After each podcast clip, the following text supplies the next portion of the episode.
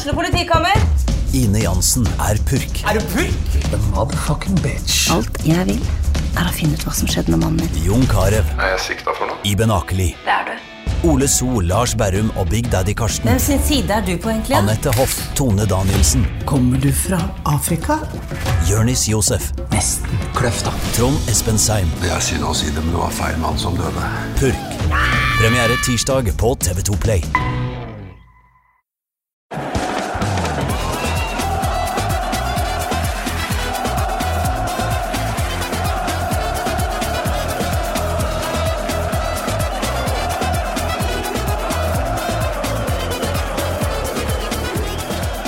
Velkommen, velkommen, velkommen til Pyro og Pivos Romania spesial. Og med spesial så mener jeg en helt vanlig episode, bortsett fra at eh, vi har vært i Romania. Hvem vi er, det er meg, Morten Galaasen, og nesten like stor som meg, Trym Hogner. Velkommen. Takk, eh, takk for at jeg får komme. Du er jo uh, hovedårsaken til at jeg nå har vært i Romania. Det var ikke første gang for deg. Du har jo et uh, For de som ikke Eller for de som kjenner deg litt fra før, eh, har sikkert hørt et par timer med europaligaepisoder bl.a. annet, eh, og sikkert fått for seg at du er glad i Balkan i det hele tatt. Øst-Europa i det hele tatt. Men akkurat Romania har vel en nesten like stor plass i hjertet ditt som eh, Serbia?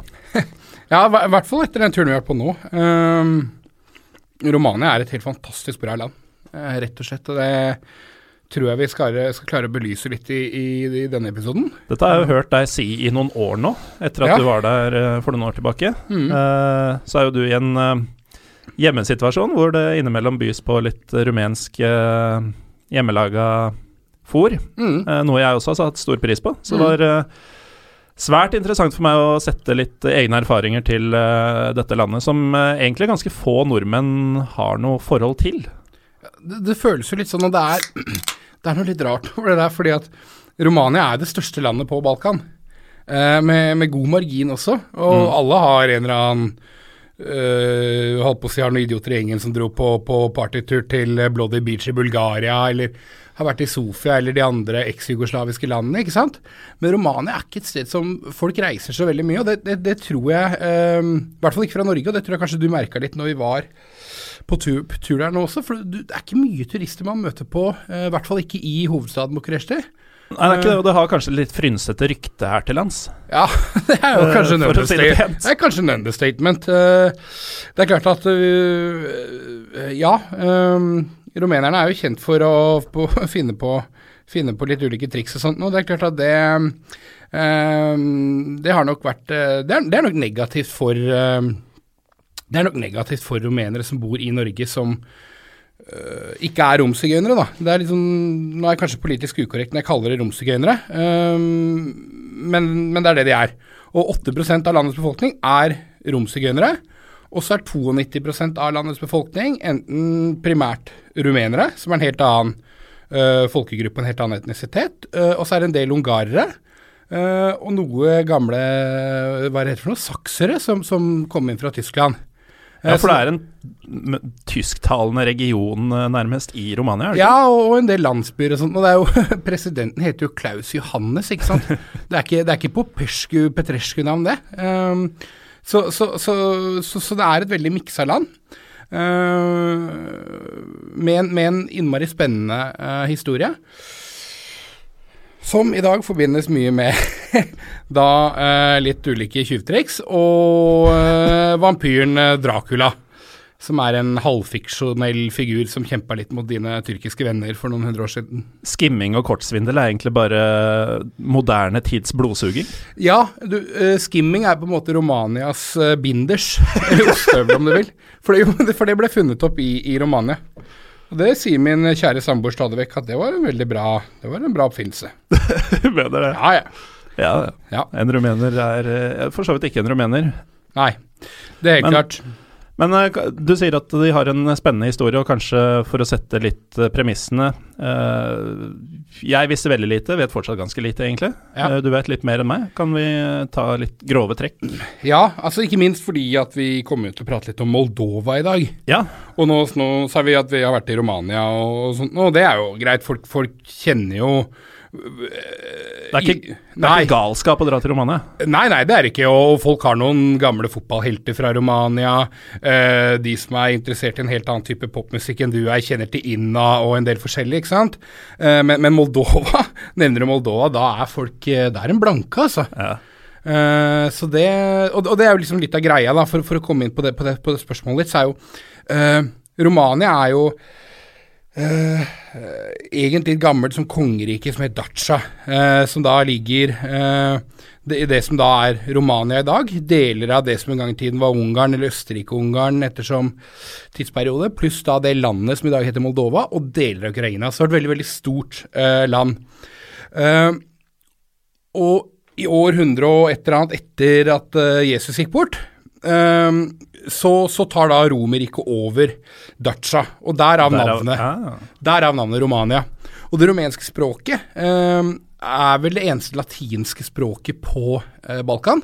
Ja, Det la jeg godt merke til, at Ja. uh, hvis man tuna ut litt, så kunne det like gjerne være italiensk man satt og hørte på. Ja. føltes det som. Ja, det er selvfølgelig blitt Altså, det har jo blitt Det har jo fått innflytelse opp gjennom århundrene fra uh, øhm, naboene rundt, men, men det er primært et, et latinsk øh, øh, språk, da. Eh, så det var under, under Romerriket i mange år. Og da, den gang da, så var det Uh, tre eller fire, men jeg skal prøve å fokusere på tre, uh, uh, provinser eller regioner i Romania. Da. Det var da Moldavia, som var et land, eh, et eget land, men et rumensk land, eh, fra 1346 til 1859. Og så hadde du eh, Transilvania, eh, som er et av de vakreste områdene i hele Europa. Jeg har hatt gleden av å reise der før, og vi ble vel enige om at Neste gang. neste gang. Det er et så utrolig vakkert område. Og for en klang i det navnet. Ja, og det er jo der mange tenker på Dracula og det greiene der sånn, men uh, Vlad Cepes, som han egentlig da het, uh, var da fra den tredje provinsen, som er Valachia. Så han var ikke transilvaner? Nei, men disse to er jo da helt inntil hverandre, og, og de har da kjempet på samme side mot dine tyrkiske venner, i, eller ottomanske venner i, i holdt på å si århundrer, da. Gutta mine, Gut, som du gutta dine, ja. liker å si. Ja. Um, så, så det er liksom de tre provinsene som uh, on and off har vært uh, Romania. Uh, og så har det jo vært under både ottomanske rik og litt forskjellige ting. Eh, i, I 1940 så blir det som kalles Bessarabia og, Nordbukovina blir eh, okkupert av Sovjet. Um, og det er da en del av det som i dag er landet som heter Den moldoviske republikk, eller Republika Moldova, som de kaller det. Og den grenser til et område i Romania som også heter Moldova. Ja, nettopp. Eh, tenk deg at Østfold, at en del av det ble et eget land, og en liten del av det ble en, fremdeles en del av Norge. Så du har et svært område i Romania som heter Moldova, og så har du et eget land som grenser til en som også heter Moldova. Enkelt og greit, da. Ja, eh, det er jo der det blir litt grann, eh, blir litt grann eh, forvirrende, da. Men, men, men landet Moldova ble en, eh, en, eh, en sovjetstat, og var liksom ja, eh, en del av det. Og, og Romania ble også et uh, kommunistland. Uh, uh, ganske heftig også, for i 74, eller det skjedde selvfølgelig før det, men i 74 så tok jo Ceaucescu over, og det er jo et navn som de Uh, fleste kjenner godt til, og da når jeg sier godt, så er det jo ikke noe godt med det i det hele tatt. Uh, og da, da leder jo Ceaucescu landet sammen med sin forferdelige kone Elena um, i, i, uh, i noen årtier der sånn, og, og um, Det var bein i nesa på Helena. ja, det ja, de to, En ordentlig seig duo, de to der, altså. Det Rett og slett. Og, og, og hadde da altså sitt fryktede sikkerhetspoliti, Securitate, som sikkert en del har hørt om. Um, som som, som folk, folk var veldig redd for represalier uh, fra, uh, fra Securitate. Så det var lite Selv til et kommunistisk land å være, så var det veldig lite demokrati i, eh, i Romania under Ceaucescu. Bare for å ta litt fotball inn i, inn i bildet her nå, så snakker vi da om et hemmelig politi i et uh, kommunistisk østblokkland. Eh, det er vel naturlig da å tenke at uh, Dinamo Bucuresti var uh, Securitates lag? Det var de. Dynamo, som Dynamo Moskva f.eks., er, et, eh, er et politilag. Og Dynamo Berlin og Dynamo Kiev og Ja. Tiblisi osv. osv. Dynamo Berlin, det visste jeg faktisk ikke. Nei, men ja, det, det er helt riktig. Stasi-gjengen. ja, det, det, det er liksom de gode gutta, da. Um, og det skal jo sies at, at uh, på klubbfotballnivå så var det jo noen, noen gode år under, under kommunismen også. Vi skal komme litt Jeg skal gjøre meg ferdig med dette halvmeningsløse uh, historieforedraget mitt. Skal komme litt mer inn på fotball. Men, men, men eh, bare, bare for å avslutte litt, altså, uh, på den historiebiten. Så på slutten av 80-tallet, sånn som i resten av uh, alle de ekskommunistiske landene, så begynte det da og litt opprør og, og, og protester og demonstrasjoner osv. Uh, og det som skjedde da i, i 89 i Romania, var at i Timisoara, som er en grenseby ikke så langt fra Serbia, så, så blir en del demonstranter blir drept da, eh, på Ceaucescus ordre. Eh, og da eh, bryter etter hvert ut ordentlige protester rundt omkring i landet. Landet var i ferd med å bli ordentlig, ordentlig fattig. Um, og den 22. desember så uh, flykter da Ceaucescu og kona Elena med et helikopter uh, fra Bucuresti, men, men blir tatt til, til fange en dag eller to etterpå. Hvorpå um, hva er det det heter? Summarisk rettergang, er det det heter? Altså en sånn rask oppsatt rettssak der uh, de i løpet av en tre kvarters tid blir dømt begge to for uh, ja, både det ene og det andre, selvfølgelig. Um, og blir da dømt til døden. Uh, dratt rett ut i, i, i bakgården på det restlokalet, og som man sier på Romerike, to tette og ei badehette. og, og vips, så ligger Elena og, og, og Nicolai Ceaucescu døde der, da, og kommunismens tid er over i, i Romania. Kommunismens tid ble sparka i trynet. Ja, den fikk seg en skikkelig nesestyver.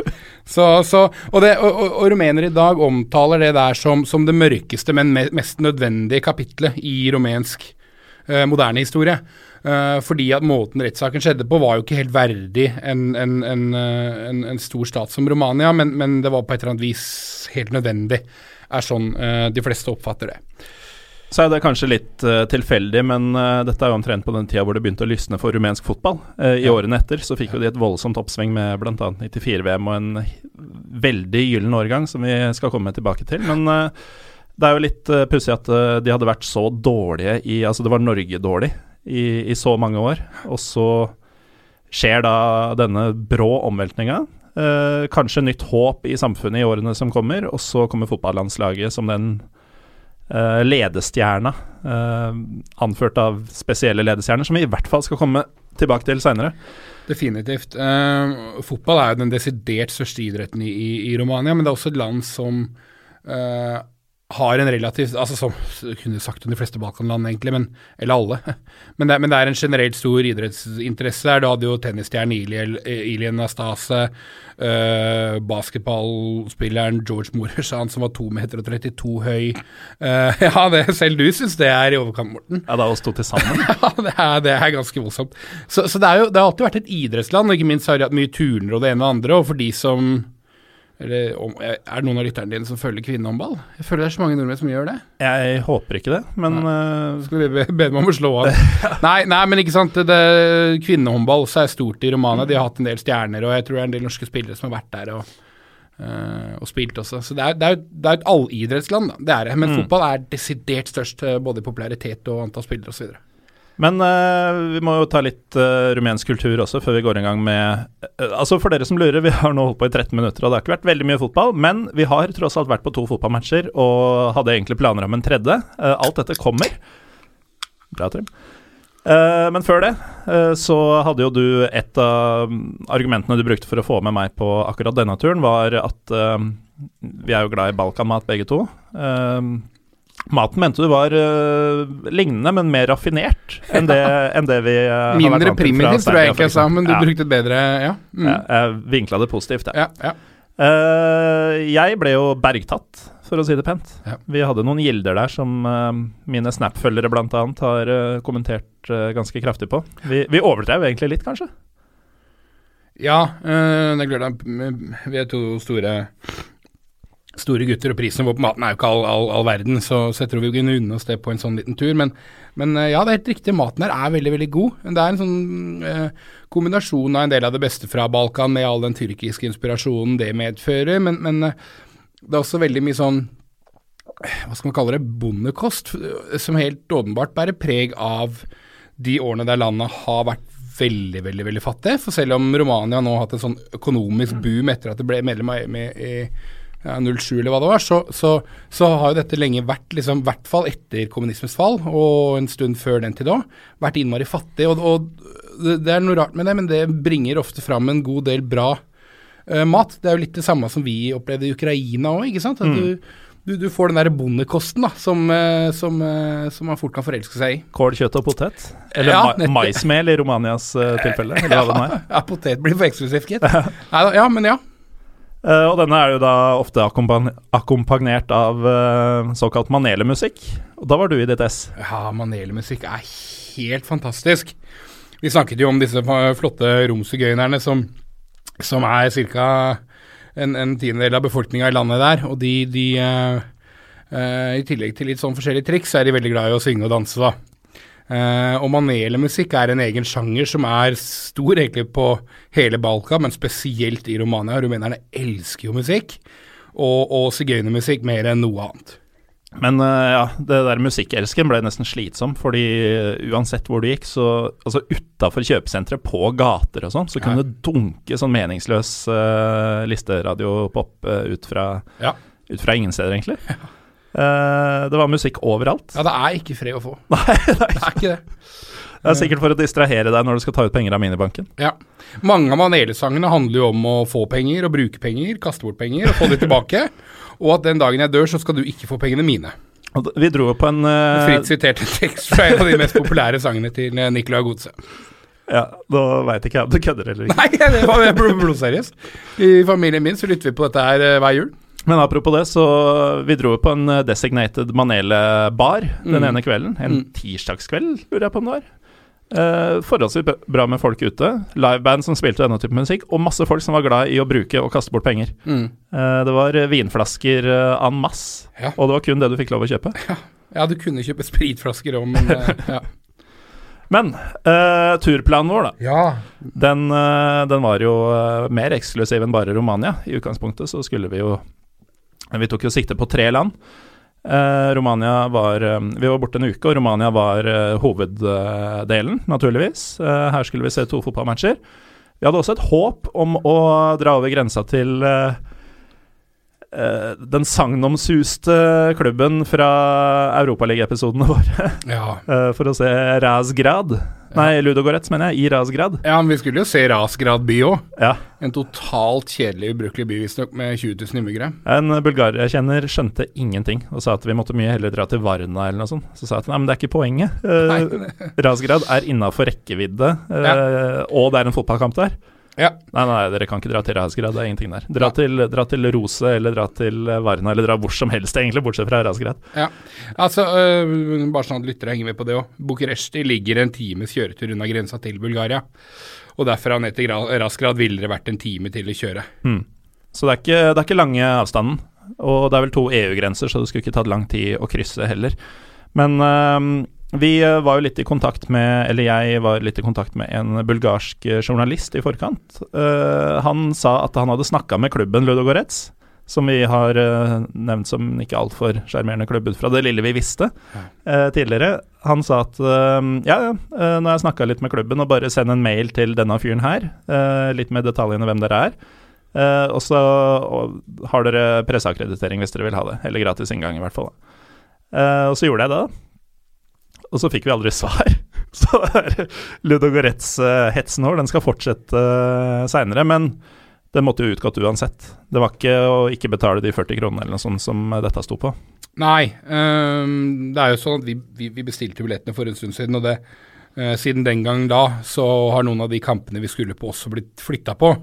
Og vi kan vel allerede nå avsløre at hovedkampen som vi i utgangspunktet dro for, øhm, som vi ikke ville unngå for enhver pris, det, det, det, det er Bucuresti-oppgjøret Marele eh, derby, eller det store derby som det betyr, mellom eh, FCSB, en gang i tiden kjent som Staua, mot eh, Dinamo Bucuresti, som du nevnte i stad, som Securitatets gjeng. De to største klubbene i Romania.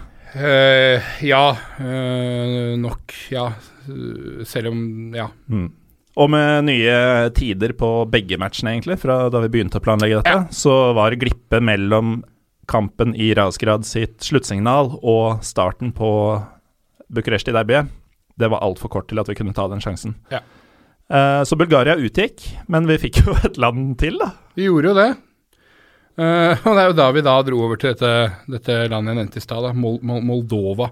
Og her fikk vi ikke sett fotball, nettopp av den grunn at eh, Og dette mistenker jeg er litt for å hjelpe eh, Sheriff og eventuelt andre lag som kommer til Europa, fordi sesongen der går visstnok fra sommeren til desember. Virker nesten som om de skal spille inn laga i form til kvalikrundene og holde dem i form gjennom Ja. gruppespillet. Samtidig så er det nok uh, begrensa med fasiliteter med tanke på å holde unna snø og en del andre ting. Du er et lite stykke nord uh, der sånn. Uh, og med unntak av uh, Sheriff Tiraspol, så er nok økonomien i moldovisk fotball på nivå med økonomien i landet for øvrig. Altså desidert dårligst BNP i Europa. Så det er et ordentlig fattig land. Og det var Altså, vi var jo klar over at det ikke ble noen fotball, men muligheten for å sjekke ut Moldova med egne øyne, den Ja, ja, eh, kunne vi ikke la Nei? Uh, kunne vi ikke la forsvinne. Så vi uh, satte oss på et propellfly, gjorde vi ikke det, Trym? Du som er så glad i å fly. Altså, jeg, jeg forakter jeg, mis, altså, jeg har jo en sånn Det er jo en litt sånn kontrast til at jeg er veldig glad i å reise, at jeg hater fly. Virkelig sånn ordentlig heftig hater det. Og det her flyet eh, eh, Flyplassen eh, i, i Bucuresti er egentlig veldig fin. Det er en moderne, ålreit flyplass. Også, Komprimert og Ja. veldig grei å forholde seg Bra mat og ting kjapt og ikke noen problemer der. Mm. Og så kommer vi da og skal sjekke inn på eh, Uh, Eller skal da uh, Bårde. flyet, og vi burde hente en sånn buss, som man jo ofte gjør på ulike flyplasser. Og så kjører vi da liksom Det føltes som vi kjørte ut av flyplassen, var så langt unna. Hadde jo ikke, hadde jo ikke engang liksom plass på rullebanen. Uh, og så kommer vi til et lite propellfly som bare er kanskje en tredjedel av størrelse på den bussen vi har kjørt ut i. og bussen var stappfull. Nei, det var helt Det var så Nei, det, nei, det var ikke noe hyggelig i det hele tatt. Telte, uh, og verre skulle det jo til ti grader bli. jeg telte setene, faktisk. 46 plasser var det på det flyet. Ja, uh, ja. Eh, ja, verre skulle det bli, fordi vi har jo akkurat fått satt oss ned og begynt å forbanne oss over at selv om det bare er tre kvarter, så er disse setene altfor små for eh, høye og delvis røslige karer som, uh, som vi er. Uh, du begynner å svette ganske bra av at han ved siden av deg også er ganske stor. Jeg hadde jo ikke det problemet, men vi har vel akkurat fått spent oss ned, og du begynte å bli litt nervøs før vi får beskjed om at dette flyet har de funnet en feil på. Så det skal ingen steder. Og um, det som fulgte, var da tilbake til terminalen to timer ca. uten noen beskjeder. Ja, og nada, nada info. Ja. uh, før de plutselig sa at nå er vi klare igjen. Ja. Uh, satte oss da på et fly som sto ved siden av, som var kliss likt. Ja, ja, men det må jeg si at det var, det var gull da, altså. Ja, for uh, vi var redde for å gå glipp av Moldova, vi nå. Nei, jeg var jo redd for å sette meg tilbake på det flyet som de etter to timer har sagt at shit, her, vi bare dundrer av gårde. For det kunne vært litt sånn rumensk sikker, øh, sikkerhetsavgjørelse å ta. Ja, det skulle bare til Moldova. Ja, ja, ikke sant, who cares? Det er liksom sånn øh, Lille propellfly, det går sikkert bra, det er ikke lange turen. Uh, men, men heldigvis, da, etter øh, etter manglende informasjon så fikk vi da et annet propellfly da, som var akkurat like lite. Eh, og så er jo uh, Det er greit, folk, folk i, i Romania er jo stort sett ortodokse, noen er katolske, da, men det, det, de er ganske religiøse her, da. Så det er nok ikke egentlig helt uvanlig, men det var, det bare, bare noe, det var så innmari intenst hvor mye folk satt og ba Og korsa seg. og, og korsa seg og kyssa ulike uh, kors og det ene og det andre før vi skulle ta det. Det var ingen som hadde troa på at liksom det her kom til å gå bra. Og det var sånn kollektivt, da, for flyet var stappfullt med da, hva sa du, 46 Ja. ja. Det var ingen som trodde at det skulle gå bra. og det var sånn, liksom sånn ja, Nei, uff, det var grusomt, altså. Folk delte på disse sikkerhetsbrosjyrene, og dette, dette burde vi, vi lese oss opp på og sånt, for det går ikke bra. Det er jo midt inne der satt to nordmenn Ja. som eh, Det var vel noen der som lurte på hva, hva vi drev med. Ja, Det lurte jeg, vi vel kanskje på sjøl også, på et tidspunkt. jeg har stilt meg det spørsmålet noen ganger når jeg reiser på tur med deg. Men uh, det ble jo sagt Det som er litt sjukt for meg, da, er jo at uh, Som vi har vært inne på, Romania har et, har et ganske frynsete rykte. Uh, mitt, eh, altså Bortsett fra VM 94, så er det første jeg hørte om Romania, samfunnet Romania. Det var i 95, tror jeg. Eh, det var noe sånn greier om gatebarn i Romania. En Brennpunkt eller noe sånt noe. Eh, og det bare var så sykt deprimerende. Og siden så har det vært en South Park-episode om hvor fattig det er. eh, tigging og sånn av folk som visstnok skal ha kommet fra eh, Romania, men som ikke nødvendigvis er rumenere. Eh, skimming Altså, man hører så mye dritt, og det virker så, virker så kjipt hvis man ikke setter seg inn i det. Mm. Og så skal Moldova da være mye verre. Ja, Og det var det. For Det var det. Romania var jo ja og, det, og det, det er velstående. Ja, og det er jo, det er jo faktisk Romania blitt. Ja. Altså, Det er nok mange som ikke helt har fått med seg det, men Romania har jo hatt en veldig stor økonomisk oppgang uh, over en lang periode.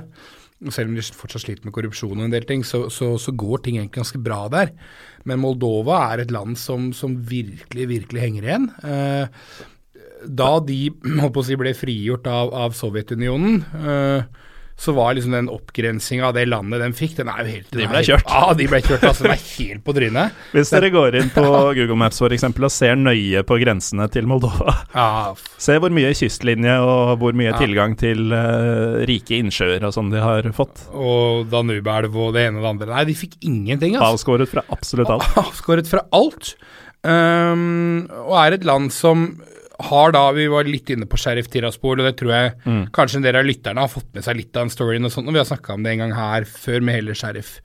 Og øh, og, og Transnistria, som er den russiske delen i, inne i Moldova, som ønsker å frigjøre seg, men som ikke engang Russland og Putin anerkjenner. Men- og det er ganske sjukt, fordi det, det er ikke mange russere rundt omkring her i verden som kan rope høyt at vi vil gjerne være en del av Russland, og så sier selv Russland at nei, det tror vi ikke stemmer.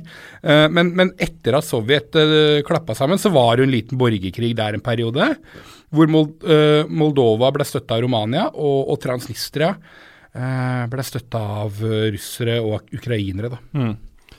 Eh, og hit kommer vi, da, og det er ikke ofte jeg syns at Eller det er ikke ofte jeg siterer Donald Trump, men uttrykket 'shithole country' det kommer, uh, kommer fort fram. Ja, ja. Det, Vi, vi sjekker jo inn på dette hotellet, og Villa, Villa Arus. Ja, og de virka ikke som de hadde fått besøk før. Nei. De var jo helt sjokkert av noen Vi måtte faktisk ringe på døra, eller ja, det var litt seinere, men eh, vi, eh, vi går inn der, og det er mørkt i resepsjonen. Ja. Eh, det var i det hele tatt mørkt eh, på vei inn også. Det var ja. få lys og spor. Vi trodde alt var stengt, selv om det var klokka fire på en, en fredag ettermiddag.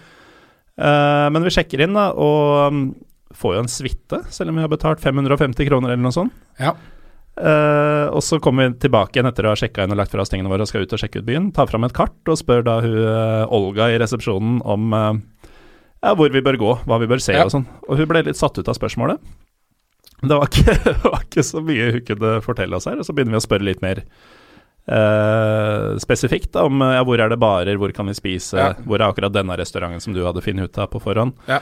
Uh, og så står hun og peker på den der lange hovedgata og bare sånn There might be some bars here. Og så peker hun på sånn nøyaktig ett kryss. Ja. Og så går hun liksom over halve kartet, føles det som. Ja. Og bare And maybe there are some here. But I think there are some over here. Det var, Ja, ja, det var, og sånn det var var det altså. også. Vi gikk jo hele den paradegata. Det var jo sikkert 40 minutter eller noe sånt nå. Ja, den er svær. Og, det, og dette er altså hovedstaden i Moldova, Kishina. Hovedgata i hovedstaden Ja, på fredag kveld. Ja. Det var ingenting. Nei, det var eh, Nei, det er eh, Og de fleste mobiltelefoner har en sånn eh, effekt på bilderedigeringa si, hvor du kan få en sånn som heter sepia. Hvor alt bare er sånn brunt og sort eller grått og sort. Men sånn var det allerede der. Ja, det var faktisk preset til sepia-mode. Altså det, det, det, er ikke farger, det er bare så grått og dystert. Eh, men eh, Ray of eh, Sunshine her, da.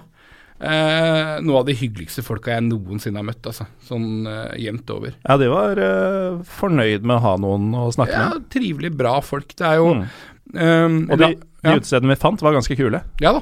Til slutt så Først så gikk vi ut og, og, og, og spiste, og da var det jo typisk rumensk mat, men du ser at kjøkkenet der begynner å nærme seg litt ukrainske med litt sånne, hva er det man kaller det, pirogi og litt sånne ting. Så, sånne småting som er litt mer ukrainsk, russisk, polsk osv. Ja, Mye paier og innbakte ting. ja. altså. ja. Ehm, og, og så er det jo da selvfølgelig et prisnivå som Ligner grisen. Ja, altså du husker jo ingenting av dette her, men vi kjørte taxi hjem om natta. Hva er det du insinuerer? Nei, jeg insinuerer at du, du fikk jo smake på litt eh, lokale drikkevarer. Vi kjørte jo taxi hjem om natta, og jeg tok den, den drosjeregninga. Og den var forhandla på forhånd, eh, litt sånn uten at jeg egentlig gadd å gå noe lavere. Så det var jo liksom sånn fiksa pris, litt, litt sånn on a high end. Han skodde seg på Ja, turisten, han. ja, ja, han sa en pris, og så sa jeg bare greit. 27 kroner koster det å kjøre drosje hjem om natta fra liksom Det var jo et lite stykke. Ja, det var en Hvis det var 40 minutter å gå, så er det jo si 3,5-4 km, kanskje. Ja, ja. 27 kroner, Ja. Det var da en, et hint av blodpris, kanskje. antageligvis. Men eh, for å Altså, veldig hyggelige folk og enormt lave priser. Altså, skal du først dra et sted hvor du bare vil spise og drikke og ikke minst se på kvinner, eh, for der var det mye å se på, Ja, det er vakre piker der. så får du virkelig valuta for penga her. Mm. Fotballen, da. Vi prøvde jo litt sånn eh, aktivt dagen etter, da jeg var litt på etterskudd. Og eh, før vi skulle ta nattoget tilbake til Bucuresti, så prøvde vi å finne noen fotballsuvenirer. Kanskje et Simbru-skjerf eller noe sånt noe. Mm. Det var vel stort sett de andre sovjetiske storklubba som uh, det var mulig Ja. å finne noe som helst av. Ja, ser den russiske innflytelsen litt Mm. mer der. Kiev og Moskva hovedsakelig. Ja, rett og slett. Og det, det er, Moldova er jo ikke noe stort fotballand, og det, det, det Sheriff Tiraspol har fått til også, er jo i stor grad ikke med moldoviske spillere. Eh, Eller moldoviske penger. Nei, kanskje ikke. Um, men det hadde vært gøy å komme dit en gang i sesong og sett uh, Altså Simbru, som du nevnte nå, som er hovedstadslaget der, har en pen stadion, faktisk. Um, så kanskje, kanskje neste gang. Men da skal, vi, da skal vi ikke på propellfly, det kan jeg bare si med en gang. Ja, vi får se. Vi skal heller ikke ta nattog nødvendigvis, for det gjorde vi tilbake. Uh, ta propellfly tilbake, det var ikke aktuelt, det. Nei, jeg, jeg, jeg, jeg, skal ikke fly propellfly igjen, i, i hvert fall ikke i den delen av verden. Altså. Rett og slett.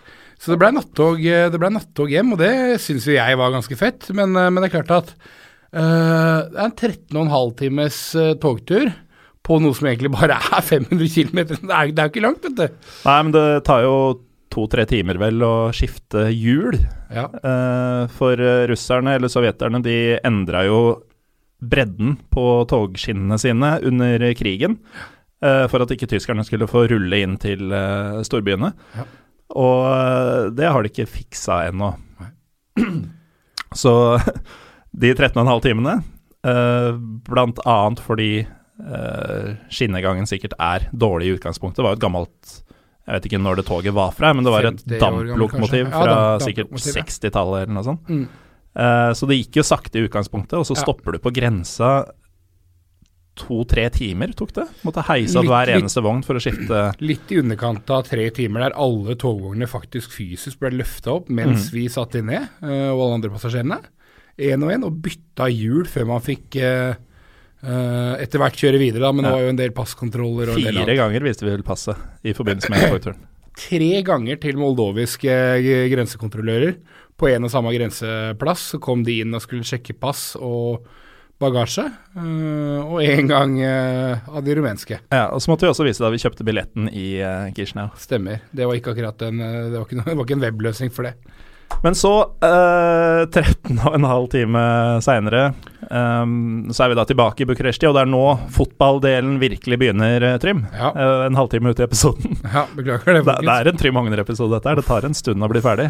Ja. Eh, men vi, det er derbydag. Det er uh, er det. søndag grytidlig om morgenen, vel å merke. Ja. Vi får oss litt søvn, får sjekka inn i Airbnb-leiligheten. Uh, og så treffer vi på Josimar-skribent, faktisk, og lokaljournalist Emanuel Råsju. Ja, lokal uh, legende, vil jeg egentlig kalle han. Ja. Ja, for en mann.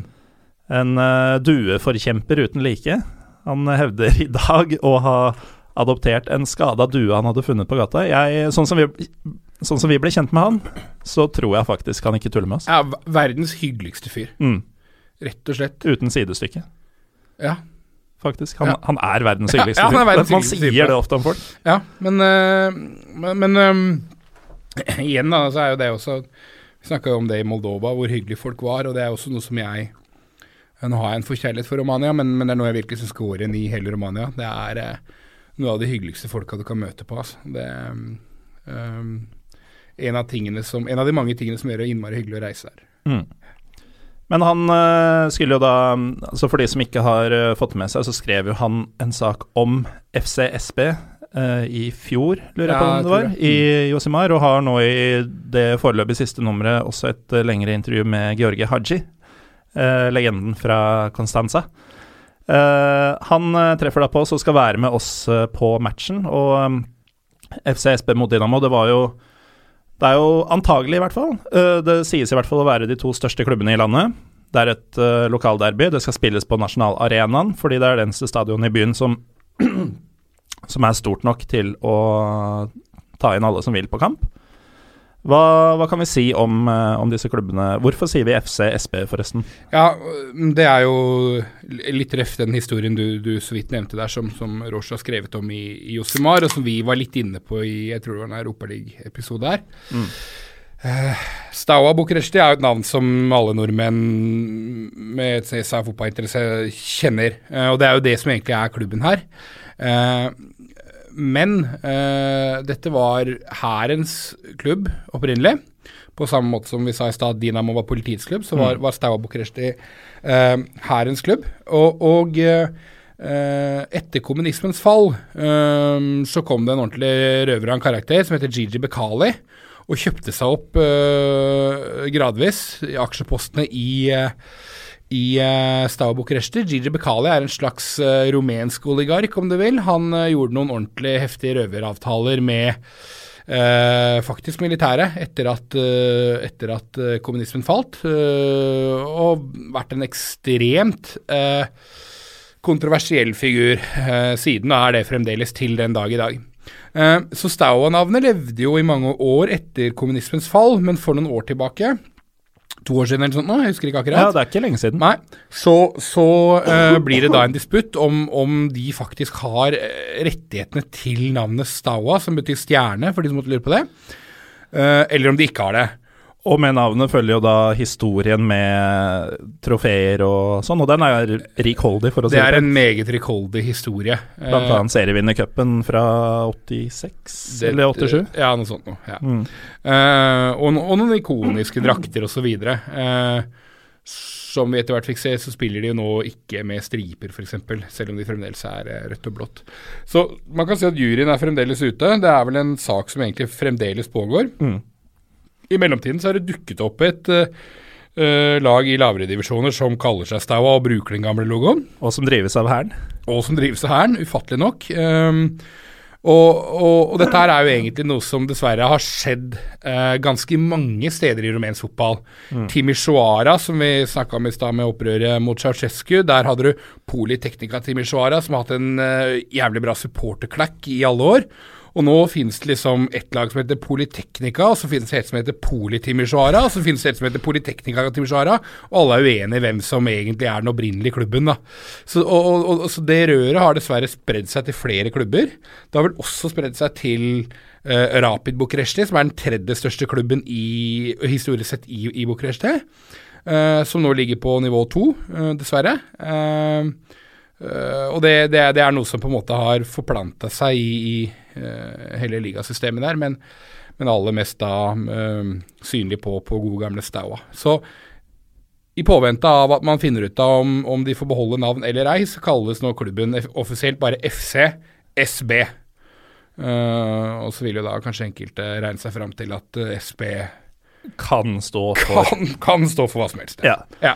Uh, Gigi Bikali sa jo faktisk at han vurderte å, å, å gjøre om navnet på eh, klubben til FC Gigi Bikali, for han mente han var så elsket at det ville være vel så bra som 100 år med solid fotballhistorie. Men når man sitter utenfor eh, og leser For de som ikke følger nevnte Emanuel Roche på Twitter, forresten, så er det at Emis Hor, eller Emishor. Eh, han skriver på engelsk og er veldig glad i å sitere Bekali etter eh, matcher. Eh, veldig mye spenstige sitater der. Han skulle jo sparke ut halve laget sitt etter, etter den matchen som vi så. Men det var jo Dynamo som hjemmelaget, da. Ja. Og det lille jeg fikk med meg av spikermeldinger, det var Dynamo bla, bla, bla. SESB. Ja. Altså, de skulle virkelig gni det inn at dette er ikke staua. Nei, de skal gni det inn. Mm. Men uh, altså Staua er mestvinnende av disse to, Ja. uh, må være. Ja. Mm. Og historisk sett mye mer populær i hovedstaden også, selv om Dynamo uh, på denne kampen og i nå i disse årene eh, trekker flere publikum til, til Derby, da.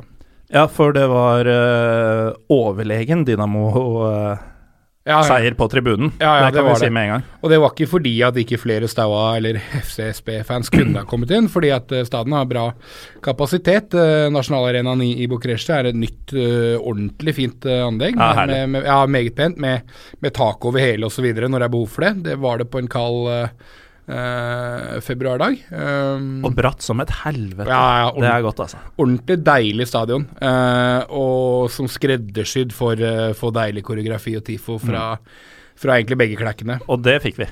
Åh, vet du hva, jeg vet ikke om jeg eh, Jeg vet ikke om jeg har sett bedre, altså. Uh, live. Nei, live, nei. live. Nei, jeg har tenkt Og da snakker vi om Dynamo, bare sånn at folk uh, henger Ja. med i sving her nå. Eh, dette her er jo Jeg vet ikke om du har lagt ut noen video på noen av disse sosiale mediekanalene til Pyro Pivo, men hvis ikke så fins noen videoer der ute av eh, Dynamo Bucuresti sin TIFO eh, fra den kampen, som var eh, ordentlig, ordentlig sexy. Mm. Det var, eh, var litt på storyen vår på Instagram, men eh, det er vel begrensa til bilder, det som fortsatt ligger der. Ja. Eh, mulig det kommer noen videoer i kjølvannet av denne episoden. Ja. Men eh, Trym, når vi skal snakke om dette, så merker jeg at jeg blir litt inspirert. Jeg har med en liten eh, Dracula, faktisk, eller Power of Dracula, fra Oi. flyplassen. En Oi. palinka med eplesmak. Uh, vi skulle jo gjerne hatt Petter Bø Tosterud her når vi skal drikke palinka, men uh, For de som ikke måtte vite det, så er Palinka Romanias navn på uh, Rakia, men eh, de som vil gå enda mer i dybden, vil igjen si at det, er ulike ting. ja. Eh, denne her er da en palinka på 50% Ja. Uh. Og der, og der sa du det egentlig, for det er det rumenerne mener er forskjellen på en palinka og en raki. Da. En raki er litt for veik, den er på 40-45% mens en palinka skal være på, på 50 ja. Ja. Vil du ha litt? Uh, ja, takk, Ja, gjerne. Da skjenker jeg oss litt, og så kan jo du begynne litt om ja, tribunelivet og kampen uh, som vi så. Fordi Ja. det starta jo med denne Så vi ble jo bergtatt av stadion tidlig. Ja. Så kommer tifoen, Ja. og så begynner vi å merke trøkket og sånn. Ja. Nei, altså, øh, bare spole bitte litt tilbake, og så var det en herlig utgangspunkt for en match, da, ikke sant. Eh, søndag kveld klokka kvart på ni eh, lokaltid. Eh, det føles som at store derbyer gjerne nå spilles liksom sånn der på formiddager og sånt nå, men dette var søndag kveld og flomlyset, du kunne se liksom Vi gikk jo, vi måtte gå ganske langt, og du kunne se stadion på, på eller holdt på, å si på, på kilometervis avstand, så så du liksom flomlysene opp, så det var veldig den der deilige følelsen. Sånn crispy vinterluft. ja, og, ja, kaldt og jævlig. Uh, og så kommer man inn, og så er det da den, den, den voldsomme eh, eh, overvekten av, av Dinamo-fans. Men, men eh, Og det er jo da fordi, fordi mange av Stau-supporterne sier at dette er ikke det ekte laget. Det er mange av de som er enig i den eh, greia. Det, det møtte vi jo mange folk som sa også. Eh, Taxisjåføren vi hadde vekk fra stadion, han Ja. var jo Stava-fan, sa han. Ja. Men eh, han skulle da Eller han hadde vært og sett eh, Army-laget i fjerdedivisjon Ja. dagen før. Og det møtte vi noen andre også som sa akkurat det samme. Mm. Uh, så sånn var det. Men uh, da bare et par dager tidligere så har jo FC SP uh, slått Lazio 1-0 eh, i en solid match på, på den stadion i, i vår kjære Europaliga. Det var kvelden vi landa. ja. Og vi vurderte jo da vi fant ut at oi shit, det er jo en times tidsforskjell her. Eh, vi kunne faktisk rekke i andre omgang hvis vi hadde kunne nesten antageligvis ha gjort det, ja. Uh, men, men, men det var nå i hvert fall utgangspunktet for, uh, for matchen. mm. Um, og, og, og da selvfølgelig med, med Staua som favoritt, for, eller nå sier jeg Staua, FC SP som favoritt. Um, um, og et Dinamo som var ganske avhengig av en seier for å ta seg videre til sluttspillet, som vi etter hvert skal snakke litt mer om hvordan det fungerer i Romania. Ja, og det, det starter jo bra for uh, hjemmelaget, det må man jo virkelig si. Ja. De, eh, det går vel 20 minutter, så tar, eh, tar de ledelsen 1-0, og det er jo et øredøvende brak. Mm. Eh, ikke så mye blant våre rumenske medsammensvorne på tribunen. Nei, våre journalistvenner heide vel faktisk på FC, SB begge to, ja. Mm. Mm. Eh, så de ble litt mugne, men vi, litt sånn i hemmelighet i dette tilfellet, vi holder jo alltid med et hjemmelag i et derby hvis vi ikke har noen horse in the race i utgangspunktet. Ja, også Det var litt vanskelig å ikke Ikke like ja, man, man blei litt forelska i den, den tifoen og det trøkket, altså. Man, Ja. man, man ble det. Så løper jo han lille pygmeen Gabriel, Gabriel Torje rundt der, Ja. som jo skulle være det nye store og ikke har blitt det. Uh, det var mye fint med, med det laget og, og rammen som, eh, som ble skapt rundt dem. Ja. Og um, 2-0 kommer også, og da begynner det å virkelig se, se bra ut for hjemmelaget. Og FCSB de var jo allerede klare for sluttspill. Hadde jo eh, Eneste som sto på spill for dem, var jo å korte inn forspranget som Cluj hadde før Ja. eh, sluttspillet. Så det bar kanskje litt preg av det i, i eh, matchen, at Dinamo virkelig, i hvert fall tidlig i matchen, Ja. at Dynamo Dinamo skulle ha dette her, mens FCSB de hadde akkurat spilt mot Lazio og hadde en ny kamp mot Lazio i tankene, kanskje. Ja, helt, helt åpenbart. Og det, og det sa vel også våre venner, at, at uh, spillerne der kanskje litt sånn blaserte av eh, at de hadde en enda større anledning noen dager bak seg og noen dager foran seg. Skal vi smake på dette her? Ja, jeg tok en, uh, tok en tår mens du snakka nå, Ja. Norok, som man sier på Ja. rumensk. Um, den, eh, den gjør akkurat det en palinka skal gjøre. Ja, den var fin å si. Eh, eplesmaken Vi har ikke drukket så mange med eple. Nei, nei. Uh, mye pære, men lite eple. Ja. Og, og ikke minst den frukten som jeg kan navnet på både på serbisk og rumensk, men ikke på norsk. Uh. Eh, ja, Eller uh, Donia på ja. serbisk. Eh, Queen, har, Queens heter det på engelsk. ja, Så kan noen prøve å finne ut hva Queens er på norsk. vi har slått opp så mange ganger. Eh, det fester seg aldri. Nei. Men i hvert fall ja. syns ikke eplesmaken var veldig markant, men jeg syns uh, Smaker bare sterkt, var det en gjest som sa hos Ja. deg en gang. Hei, Petter. Men eh, jeg syns i hvert fall at munnfølelse og ikke minst brystfølelse, det er akkurat det jeg ville ha da jeg kjøpte denne på flyplassen. Um, men så er det jo da Det ble opplyst om eh, 33 000 tilskuere, tror jeg det var. Mhm. I offisielle papirer etterpå så ser jeg at det er 24. Og jeg har vanskelig for å tro at det var under halvfullt på stadion eh, den kvelden. Ja, der hvor vi sto, så så det i hvert fall ikke sånn ut. Eh, Mm. Men hva som kan være årsaken til det, det, det er jeg litt usikker på. Mm. Eh, men det var innmari bra trøkk på tribunen, i hvert fall. Og eh, selv om den, den eh, FCSB-gjengen var redusert, så, så holdt de jo koken en, en i hvert fall tidvis. Det er klart at eh, du, du nevnte at Dinamo går opp til 2-0 i, i, i det 57. minutt. Da, da var det faktisk gode gamle Gabriel Torche som, som uh, putter på 2-0, og da så det ut som at eh, nå kan Dinamo komme seg til sluttspillet og få en etterlengtet opptur mot, mot dette litt sånn halv, halvplastikklaget, som da enkelte der ville kalle det. Eh, Det ville seg ikke, det. Nei, det ville seg ikke. Eh, det, ville seg virkelig ikke, altså. Og det rare var jo at sånn ti minutter før slutt så ble det nevnt eh, blant noen av oss at uh, man kunne egentlig bare huske ett skudd på mål som FCSB hadde hatt i hele matchen. Mm. Uh, og så har de da ved pause satt inn uh, både Man og Bodesco. Uh, Sistnevnte spiller fram Man etter en klønete Nei, nå husker jeg ikke helt, det var et annet mål, det. Men uh, i hvert fall, det blir en redusering Uh, i ja, sju cirka minutter før slutt. Ja. Og både du og jeg følte vel egentlig at vi visste at det nå Der røyk det for Dinamo. Ja, ja. Det, det, det var noe veldig rart over det. De hadde ikke, FCSB hadde ikke hatt noen ting. De får dette målet litt ut av ingenting. Det er nesten ikke noe tid igjen. Det var helt sjanseløst for Dinamo å vinne denne kampen. Da. Ja. Og sånn skulle det bli. Sånn skulle det bli. De skulle altså rote det til. Eh, 83, nei, unnskyld, 93. minutt så kommer da Filipe Teixeira, som kanskje noen husker spilte i Paris Saint-Germain og, og West Brom bl.a. Eh, har vært i, um, i rumensk fotball en del år nå. Er en, eh, en ordentlig veteran, men en, eh, en viktig spiller for FC FCSB, da. Eh, og da, ja, tre minutter på overtid, eh, dundrer inn utligningen. Eh, til eh, selvfølgelig majoriteten av stadions eh, store fortvilelse. Og delvis også en nyforelska Morten og en nyforelska Trym sin store fortvilelse. For det, for det føltes så surt at Dinamo skulle kaste bort den, og potensielt muligheten for å komme til sluttspillet. Men for oss som har vært derbygjester i uh, Norge, Ja. uh, det å få en utligning mot erkerivalen foran seg på overtid Ja. For det var jo foran FC SP-supporterne dette skjedde. Det var det. Spesielt vitende om at dette ødelegger noe så inn i granskauen for eh, motstanderen. Ja. Det er herlig, det òg. Ja da, det absolutt. Og det, det er jo ofte sånn du er veldig glad eller de fleste fotballsportere er veldig glad i derbyer, men sannheten er veldig ofte at det blir litt sånn kjedelige matcher. Det blir ofte 1-1, eller det, det blir litt sånn oppskriftsmessig. Nå ble dette også uavgjort, men måten det skjedde på, eh, ble jo meget dramatisk, da. Og skulle jo senere vise seg eh, Skjebnesvanger. Skjebnes, skjebnesvanger for eh, Dinamo, ja.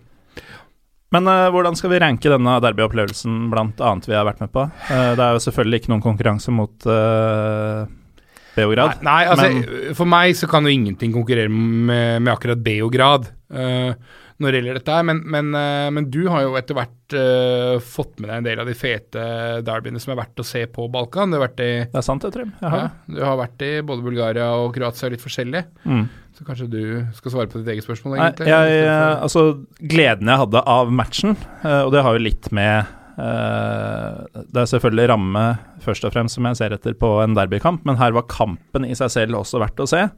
Eh, vi hadde såpass gode plasser, vi hadde godt selskap, lokale folk som vi kunne høre med om den og den spilleren, og hvorfor, hva synger de nå, liksom den type ting, som, som bidro veldig positivt. Og så var det um, Akkurat det siste der hadde jeg også da jeg var på det kroatiske å si, derbyet Ja. uh, sammen med Hajduk-supporterne.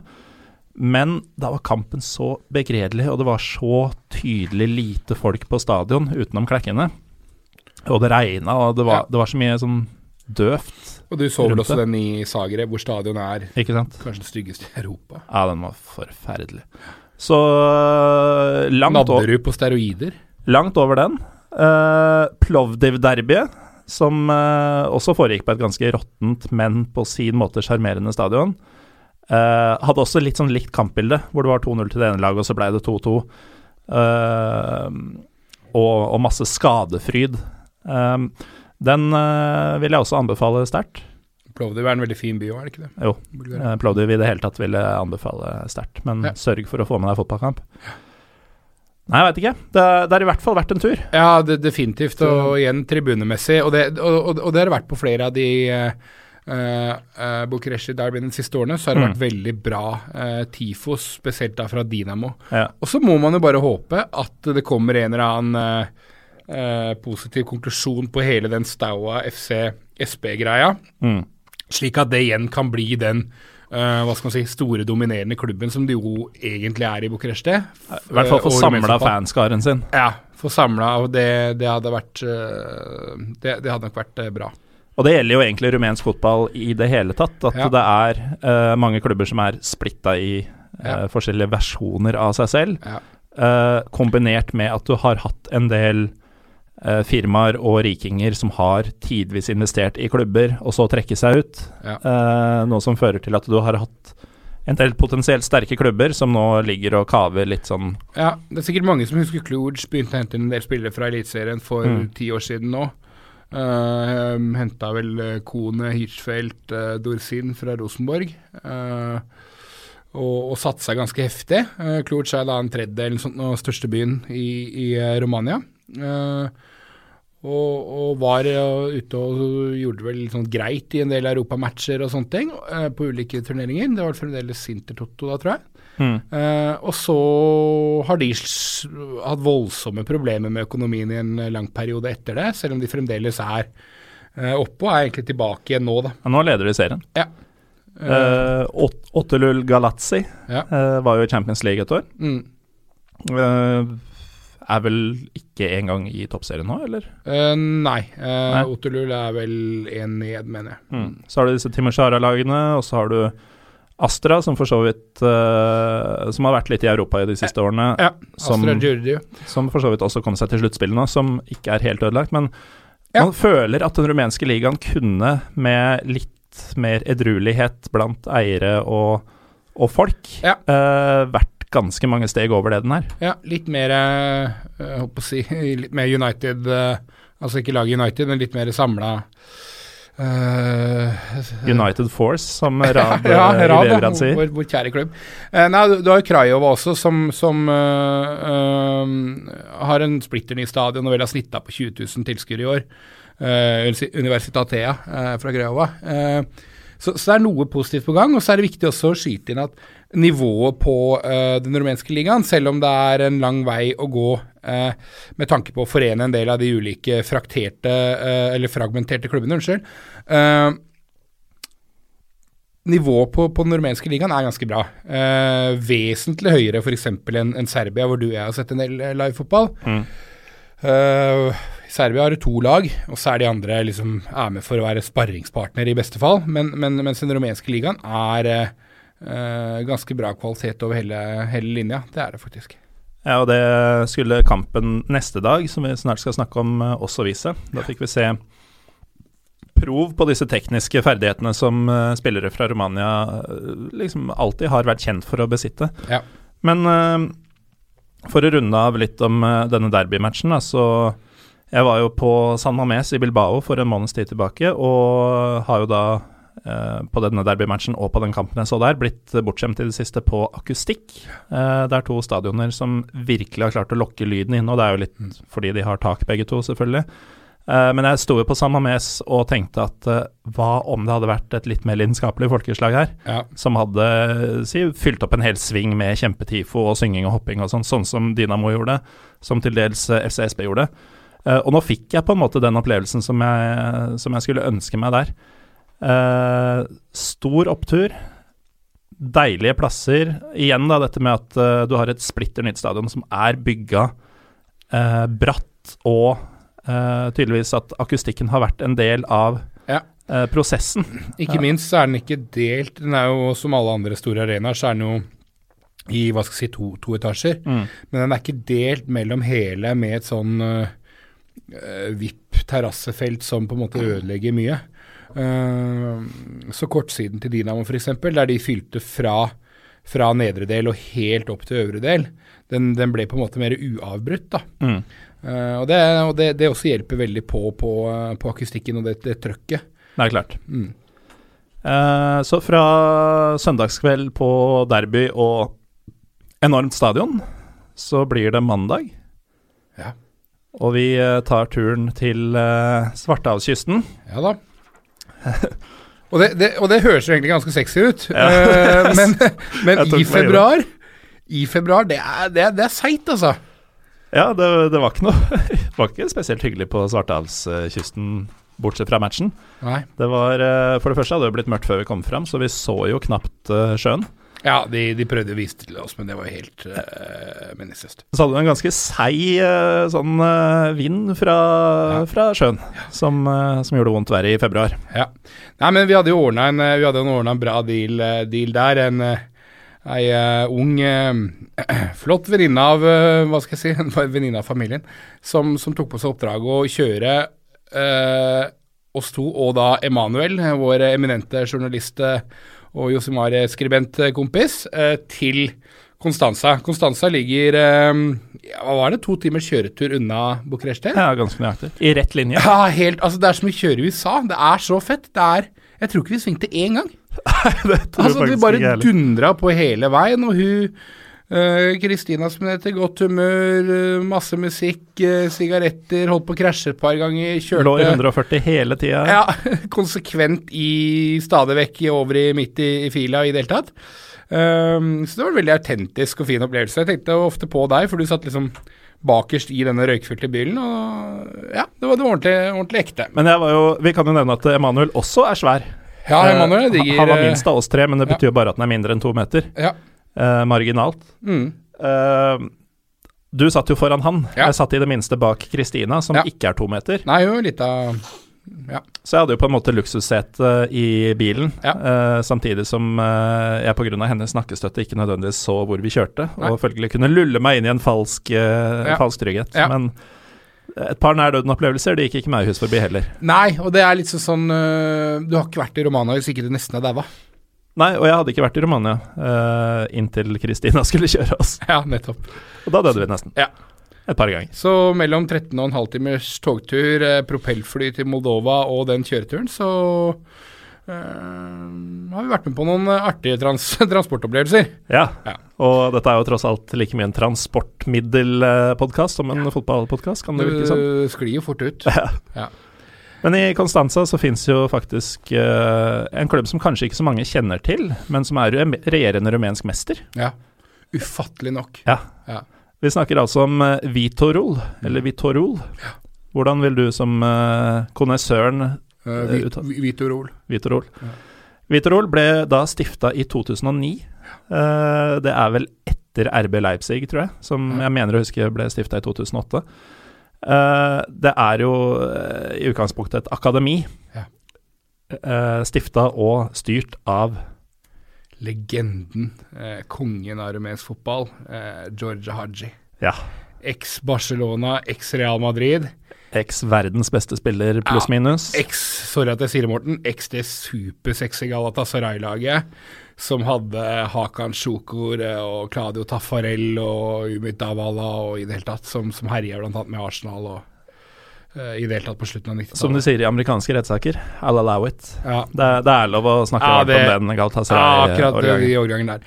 Eh, ja, uh, Georgia Haji, kongen av rumensk fotball og kongen av verden, eh, i mine øyne, etter den turen. Mm. Uh, starta en akademiklubb der sånn i 09, eh, m- med en knallhard eh, filosofi om at dette skal være bygget på akademiet. Mm.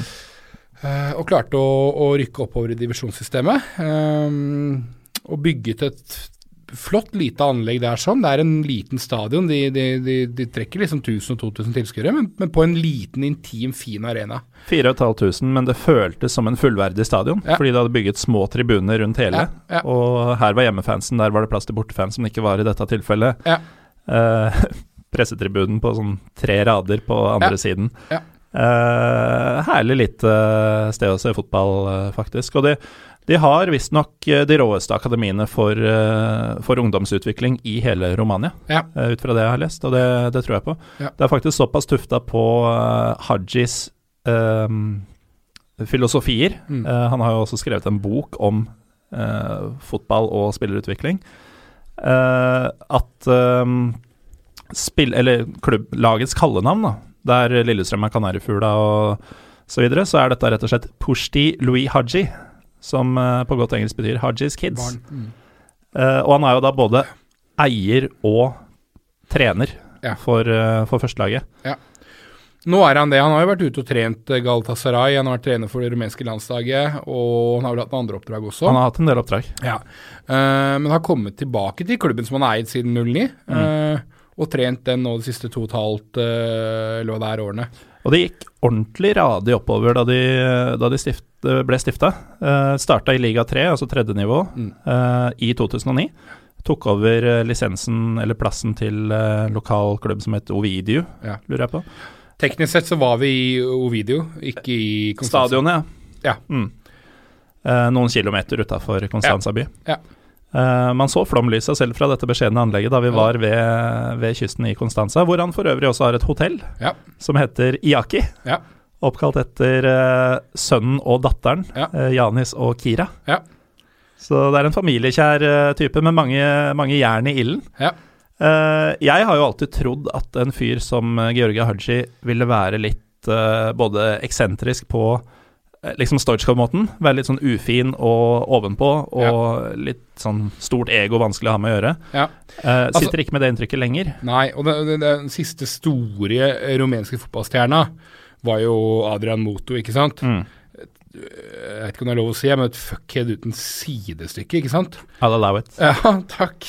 Uh, og man tenker jo i den delen av verden litt, litt akkurat det du tenker, men uh, måten han har bygget klubben på Nå glemte vel å si det også, men eh, det er tilfeldig for vår, for vår tur. Men, eh, men, men eh, Timinga kunne ikke vært bedre. timingen kunne ikke vært bedre, med, med tanke på at Josimar da har eh, Og Emanuel Råsrud, vår gode journalistvenn, har skrevet en eh, fantastisk artikkel om eh, klubben, uh, Vitorul, og, og dette akademiet og prosjektet til Haji. Mm. Men de rykka altså opp eh, fra tredje til andre nivå med én gang, første året i eksistens. Ehm, og så trengte vel to forsøk på å rykke opp fra andre til første, hvor de kava litt i bånn. Um, det var vel i 11-12-sesongen hvor de rykka opp. Kava litt i bånnstriden de første årene, før de etablerte seg som et et sluttspillag uh, for to sesonger siden, og faktisk vant hele tittelen med svært begrensede ressurser når det gjelder Ja. spillekjøp, uh, den type ting. Og supertro mot den, den policyen om akademibasert. Og, Og ikke minst en meget definert spillestil. For dette var sexy å se på. Ja, meget. Um, tilbake til kampen der, så skulle de da møte Botoshani, som er et lag fra oppe i, i nord. Um, og, og før denne matchen så ligger de, de to klubbene vel A-poeng, eller var det ett poeng forskjell? Eh, De var i hvert fall veldig nær Ja. hverandre. Ja, og vi snakker da to kamper igjen, eh, denne pluss én til, Mm. før, før det skal avgjøres hvilke klubber er det som skal være med i sluttspillet i Romania, og hvilke som er det skal være med i um, nedrykksspill, eller hva man kaller det. da. Uh, Begge Så- lagene ville da stille svært gunstig før siste runde, uh, Ja, begge lagene med, ville med seier her. ja, med seier så ville vel begge kunne avgjøre det selv. Ja. Faktisk. Mm.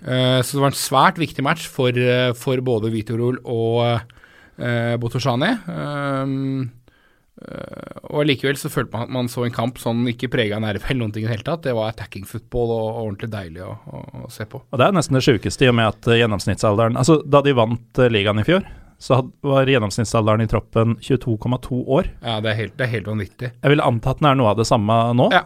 Og den gjengen som løp utpå der, med de nervene de må ha hatt, Mm.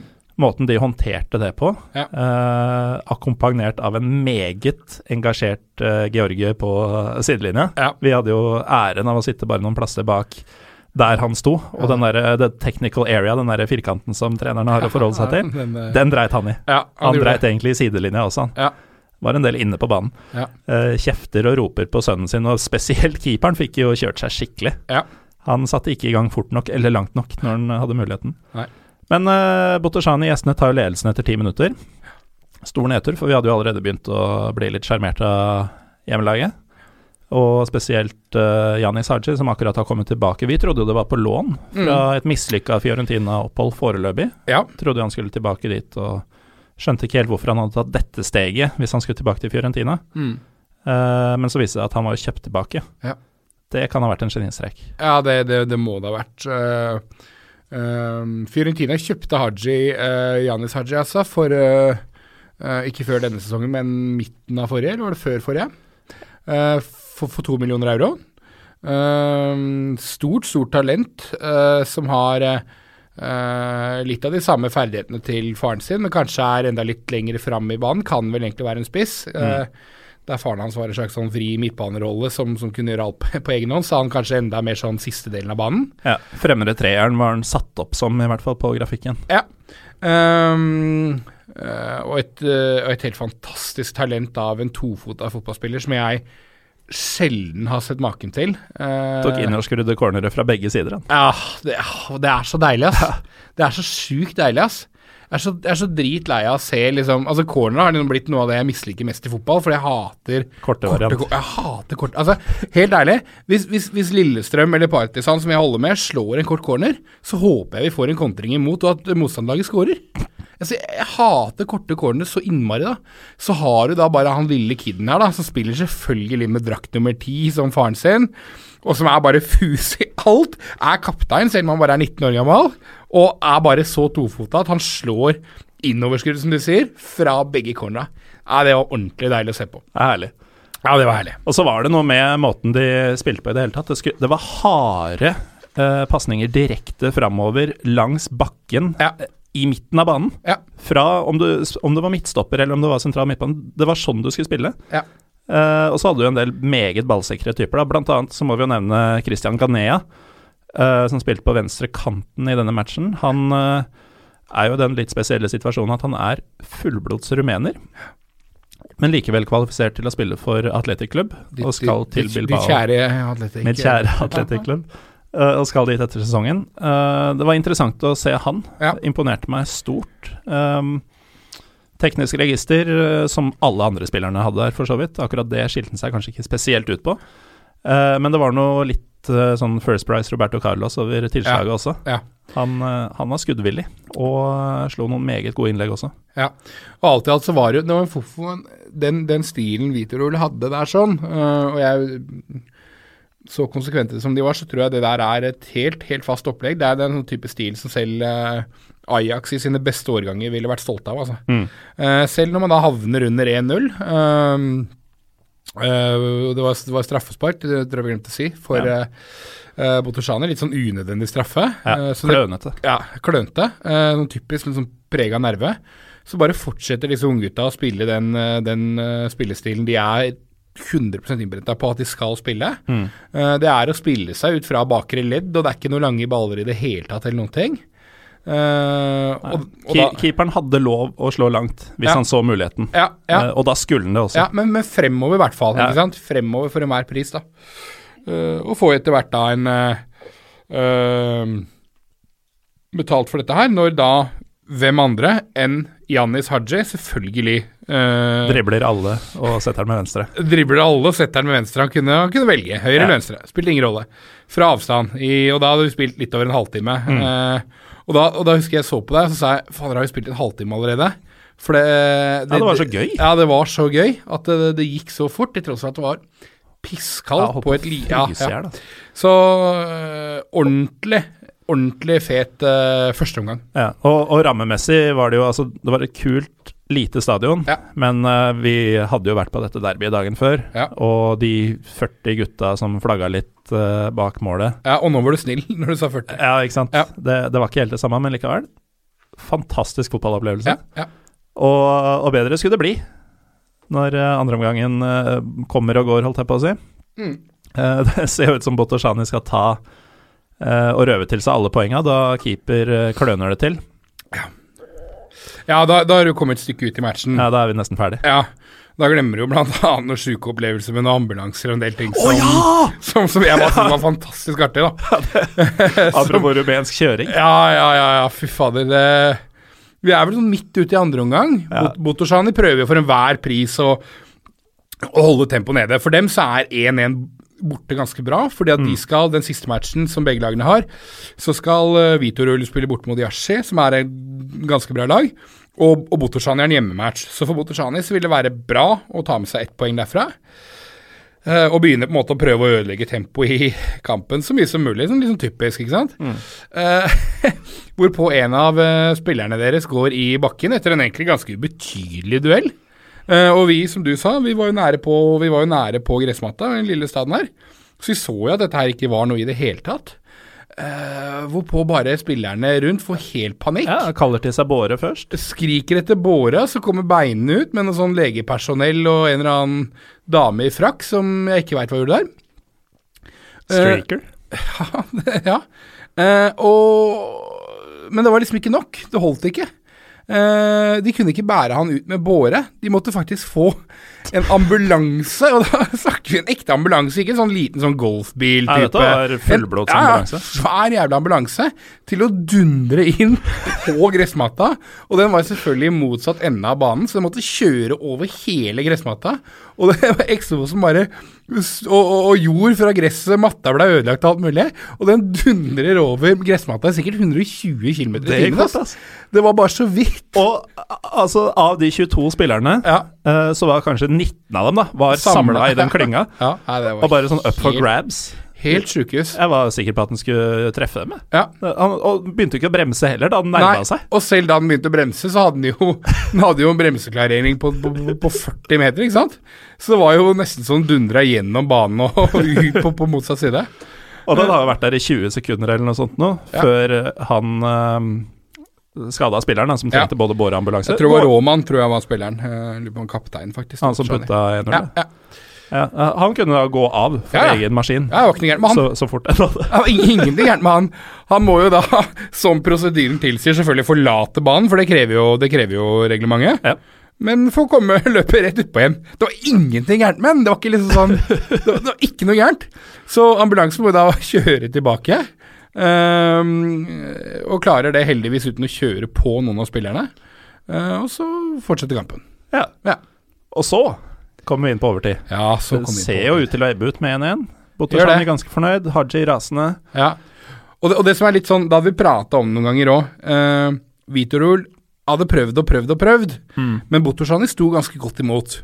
Like fullt så Og det gjorde jo ikke bytter heller før seint, uh, Haja-gutta. Det var vel 85 minutter var gått før de første to byttene kom. Ja. Da kom bl.a. Uh, Chobano innpå. Um, uten at det sier lytterne noe, så bare husk Chiabano til uh, når vi nevner den igjen om et par minutter. Um, og vi sa jo både at de så slitne ut, de begynte å bli litt motløse. Ja. Uh, dette hadde Botoshani. Og så er det keeper uh, for Ja. ja. Vitorul Ja. som holder på å kødde det helt til. Ja, man, man, man får en helt sånn sjuk situasjon. Er vi, nå er vi på overtid av kampen. Nå har det Mm. passert 90 minutter. Ja. Eh, 93 er vi nå, tror jeg. Ja. Eh, holdt på å si Ja, du, du, du får forklare det, du. Det var uh, Ja. Nei, det er da keeper for uh, Vitorul som uh, slår ballen rett i Uh, Og han hadde jo blitt kjefta på av Haji hele kampen for å ikke spille kjapt nok ut. Eh, nå hadde han brukt litt tid. Eh, blir pressa av motspiller som eh, klarer å tilrive seg dette utspillet. Eh, kommer da alene med nevnte keeper, litt skrått. Keeper gjør en strålende parade, gjør Ja. opp for seg. Ja. Ballen spretter tilfeldigvis ut til høyrebekken til, uh, til Vitorul, som har en liten korridor, og Ja. så et ordentlig Vitorul-angrep. ja. Ut til Haji på venstrekanten, som fortsatt er på banen. Ja, ja. Triller den inn til uh, Chobano, som er på hva skal vi si, 25 meter fra Ja, mål. ja. Jeg har lyst til å si 30, men det var nok Vi sier 25. 30. Ja, Hva skjer så? Ja. Nei, han, eh, jeg, jeg tror vi liksom sa det sånn Ikke skyt! For da hadde med seg hele laget. Men han kliner bare til, og ballen bare dundrer i mål i det 94. minutt. Og ja, da var det helt eh, Texas på Ja. lille anlegget der, altså. Da, da fikk vi den hardeste stemninga som 1000 tilskuere kan lage. Ja, rett og slett. Det var eh, et fantastisk øyeblikk, og eh, og det var det egentlig. Uh, Botoshani hadde kasta bort uh, potensielt muligheten til å komme seg til sluttspillet, og Vitorul hadde antageligvis gitt at de ville Det kan vi jo vi kan nevne etterpå, hvordan det har gått nå som, som serien er ferdig, et par dager etterpå. Mm. Uh, men antageligvis da i hvert fall satt seg selv i en posisjon til å sikre en sluttspillplass. Ja. Mm. Og dette var jo en herlig opplevelse for oss. Ja, ja, Eh, Konstanza-turen med røykinga og nær døden-opplevelsene til Kristina. Eh, den bitende vinden, eh, mørke og gjørmebad på vei fra parkeringa til stadion. Mm. Alt var verdt det. Ja. Og så var det ikke slutt. Nei, det var Det er vel vel først nå det begynner. Ja, det det, det er jo nesten det. Det er jo Um, Vår gode venn Emanuel hadde jo sagt det at uh, etter kampen så, så får vi til en liten audiens med uh, med Haji. Mm. Um, og det tenkte vi litt sånn Det stemmer jo antageligvis ikke, men, men hyggelig tenkt. Ehm, Og så tenkte vi jo begge, for vi er jo flaska opp på en tid Altså mitt første VM var 94. Ja. Vi lagde jo en VM-episode før jul en gang, som Ja. eh, folk kan høre på hvis de vil. Uh, ditt var vel 98. ja, men- men- jeg men ble i hvert fall ordentlig ivrig i 98. Men vi ble begge Uh, opptatt av fotball Ja. i en tid hvor Haji var en av verdens aller største stjerner. Ja, og ikke Og det er noe spesielt med de som uh, var store da du var barn. Ja. Hvis jeg møter en uh, Altså hvis jeg hadde møtt si eh, Harry Kane. Ja, eller Robin van Persie, da, som har spilt, spilt for både United og Fenerbahçe. Okay, ja, ja. Så hadde det vært litt sånn sånn Ja, hyggelig. Det Men det- akkurat, det hyggelig, tanken på Nei, men Ja, jeg skjønner hva du ja. det hadde ikke vært noe sånn spesielt. Eh, men akkurat tanken på en eh, barndomshelt som Haji, det fikk til, til å bruse litt mer enn eh, jeg trodde egentlig det ville. Ja, til de grader. Jeg føler jo også at vi Vi, vi snakka litt om den, den altså Romania på, på 90-tallet her og sånt, og det var jo Haji seg selv var jo helt Han var jo en helt sjukt rå spiller, både sånn ferdighetsmessig og også måten, måten han spilte på. Men, men de, de Romania-lagene i 94-98, da du og jeg ble begge interessert i de åra der, sånn, det var jo noe med hele laget. ikke sant? Du hadde Georgie Popescu, du hadde Dan Petrescu, Bogdan Stelea, Adrian Ilje. Uh, 98, da alle hadde det gule, bleika håret. Det var veldig, veldig Romania hadde innmari kule spillere på den tiden, da. Med, med, med Georgia Haji som den, den store stjerna, da. Eh, og selvfølgelig Georgia Popescu, som jo var kaptein for Barcelona, som er uh, svigerbroren til, til Haji, og som også var på stadion, som vi også fikk uh, Et glimt av. et glimt av. Ja. Men så blir det jo litt sånn Det har blitt seint på kvelden allerede. Ja, ja. Eh, kampen gikk vel Den var vel ferdig ja, den også gikk kvart på ni. Ja, ikke sant. Ferdig elleve. Der omkring. Ja. Eh, og vi står ute og fryser. eh, og så viser det at Emanuel kunne få oss inn på pressekonferansen først. Eh, men da blir vi først stående inne. Heldigvis er det varmt. Ja. Men vi står der inne sammen med masse trofeer som da disse akademiårgangene Ja. har plukka med seg i løpet av de ni åra de har eksistert, Ja. samt dette ene seriegullet som jeg står og nesten lener meg på ved siden av en byste av Georgi Haji. og det var Det var Ja, Det var en annen byste av Georgi Haji som stirra på meg fra uh, si fire meter unna. to byster av Georgie. Haji inne på ett lite presserom. Ja. Ja, det var ikke et stort rom. Nei, ok. Men vi må jo først da vente på at uh, assistenten til Botoshani kommer. Ja. Uh, virka som en veldig hyggelig type, det, ut fra kroppsspråk og tonefall, Ja. uh, for min del. Du, du kan jo faktisk noen fraser og gloser ja. Han satt jo da og prata mye om, om hvordan de ønska å spille og ønska å framstå. Mm. Uh, og framstå, som du sier, veldig veldig sympatisk i, i, eh, i lys av at de akkurat har tapt sesongens kanskje viktigste kamp. da. Men alt dette tar jo litt tid, og så har det sikkert gått en time fra sluttsignalet til Georgie Haji faktisk dukker opp. Ja. Hans pressekonferanse tar jo mye lengre tid. Ja, ja, ja. Uh, for dette er jo en fyr, en sitatmaskin, tydeligvis. Uh, vi hørte jo blant annet eh, Fiorentina og Ceaucescu i samme setning noen ganger. Hvor det dårlige lederskapet han mente at de hadde vist med hvordan de hadde behandla Jannis på Ja. i Fiorentina, det fikk kjørt seg. Akkurat det fikk jeg med meg. Ja. Men det begynner jo å tære litt på tålmodigheten til sjåfør Kristina, stakkar, som begynner å gjespe litt og ikke er så interessert i fotball som Nei, kanskje vi er. Ja. Eh, og så begynner det jo, da, vi, da det virker som det er ferdig, omsider, når han har sittet og prata lenge, og han Ja. virka jo dritfet, Ja, ja. Uh, Georg Haji, da han Ja. prata. Det var så mye gestikulering. Det var Ja. ikke helt Gattuso, 'sometimes maybe good, sometimes maybe shit'. Nei, men det var, uh... Men det var mye gestikulering. Han, eh, eh, han gikk fra å smile til å se rasende ut eh, på to sekunder. Um, tonefall over hele fjøla. Det, var- det var underholdende. Eh, skulle ønske jeg hadde en eh, En sånn simultantekster eh, eller noe sånt foran meg, men eh, vi begynner jo å lure på om det er verdt det, da. Ja. Og så når han tilsynelatende er ferdig, så begynner de å spørre om Chelsea-Barcelona, hva han tror om den. Ja. Og det kunne de jo spart seg for. Ja. Eh, men vi, vi står nå, holder nå ut, og så er det ferdig. George forlater rommet. Akkommonert av en haug med store karer i en kombinasjon av dress og treningsdress og litt forskjellig. Ja. Og så er jo Emanuel litt eh, defensiv, føler jeg. Ja, jeg trodde han bare skulle rive taken på vei ut. Bedagelig fyr. Det, det, det også, glemte vi å nevne. Emanuel har jo da, som, som vi sa i stad, så har han skrevet den artikkelen i den nyeste, nyeste utgaven av Josmar. Mm. Og han vil gjerne, og, og det, for de av dere som ikke har sett det magasinet ennå, den forsida der er helt utrolig fet. Det er en ja, hva heter en sånn type karikatur av, av Haji? Altså den, det er det er i hvert fall en veldig kul forside.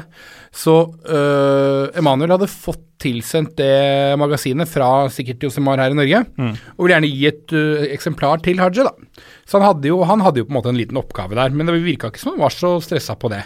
Nei. Nei. Eh, så George går og ser ut til å forsvinne inn i noen VIP-lokaler og sånt nå, mens uh, vi går jo bak Emanuel igjen, som er si fem meter bak til enhver tid.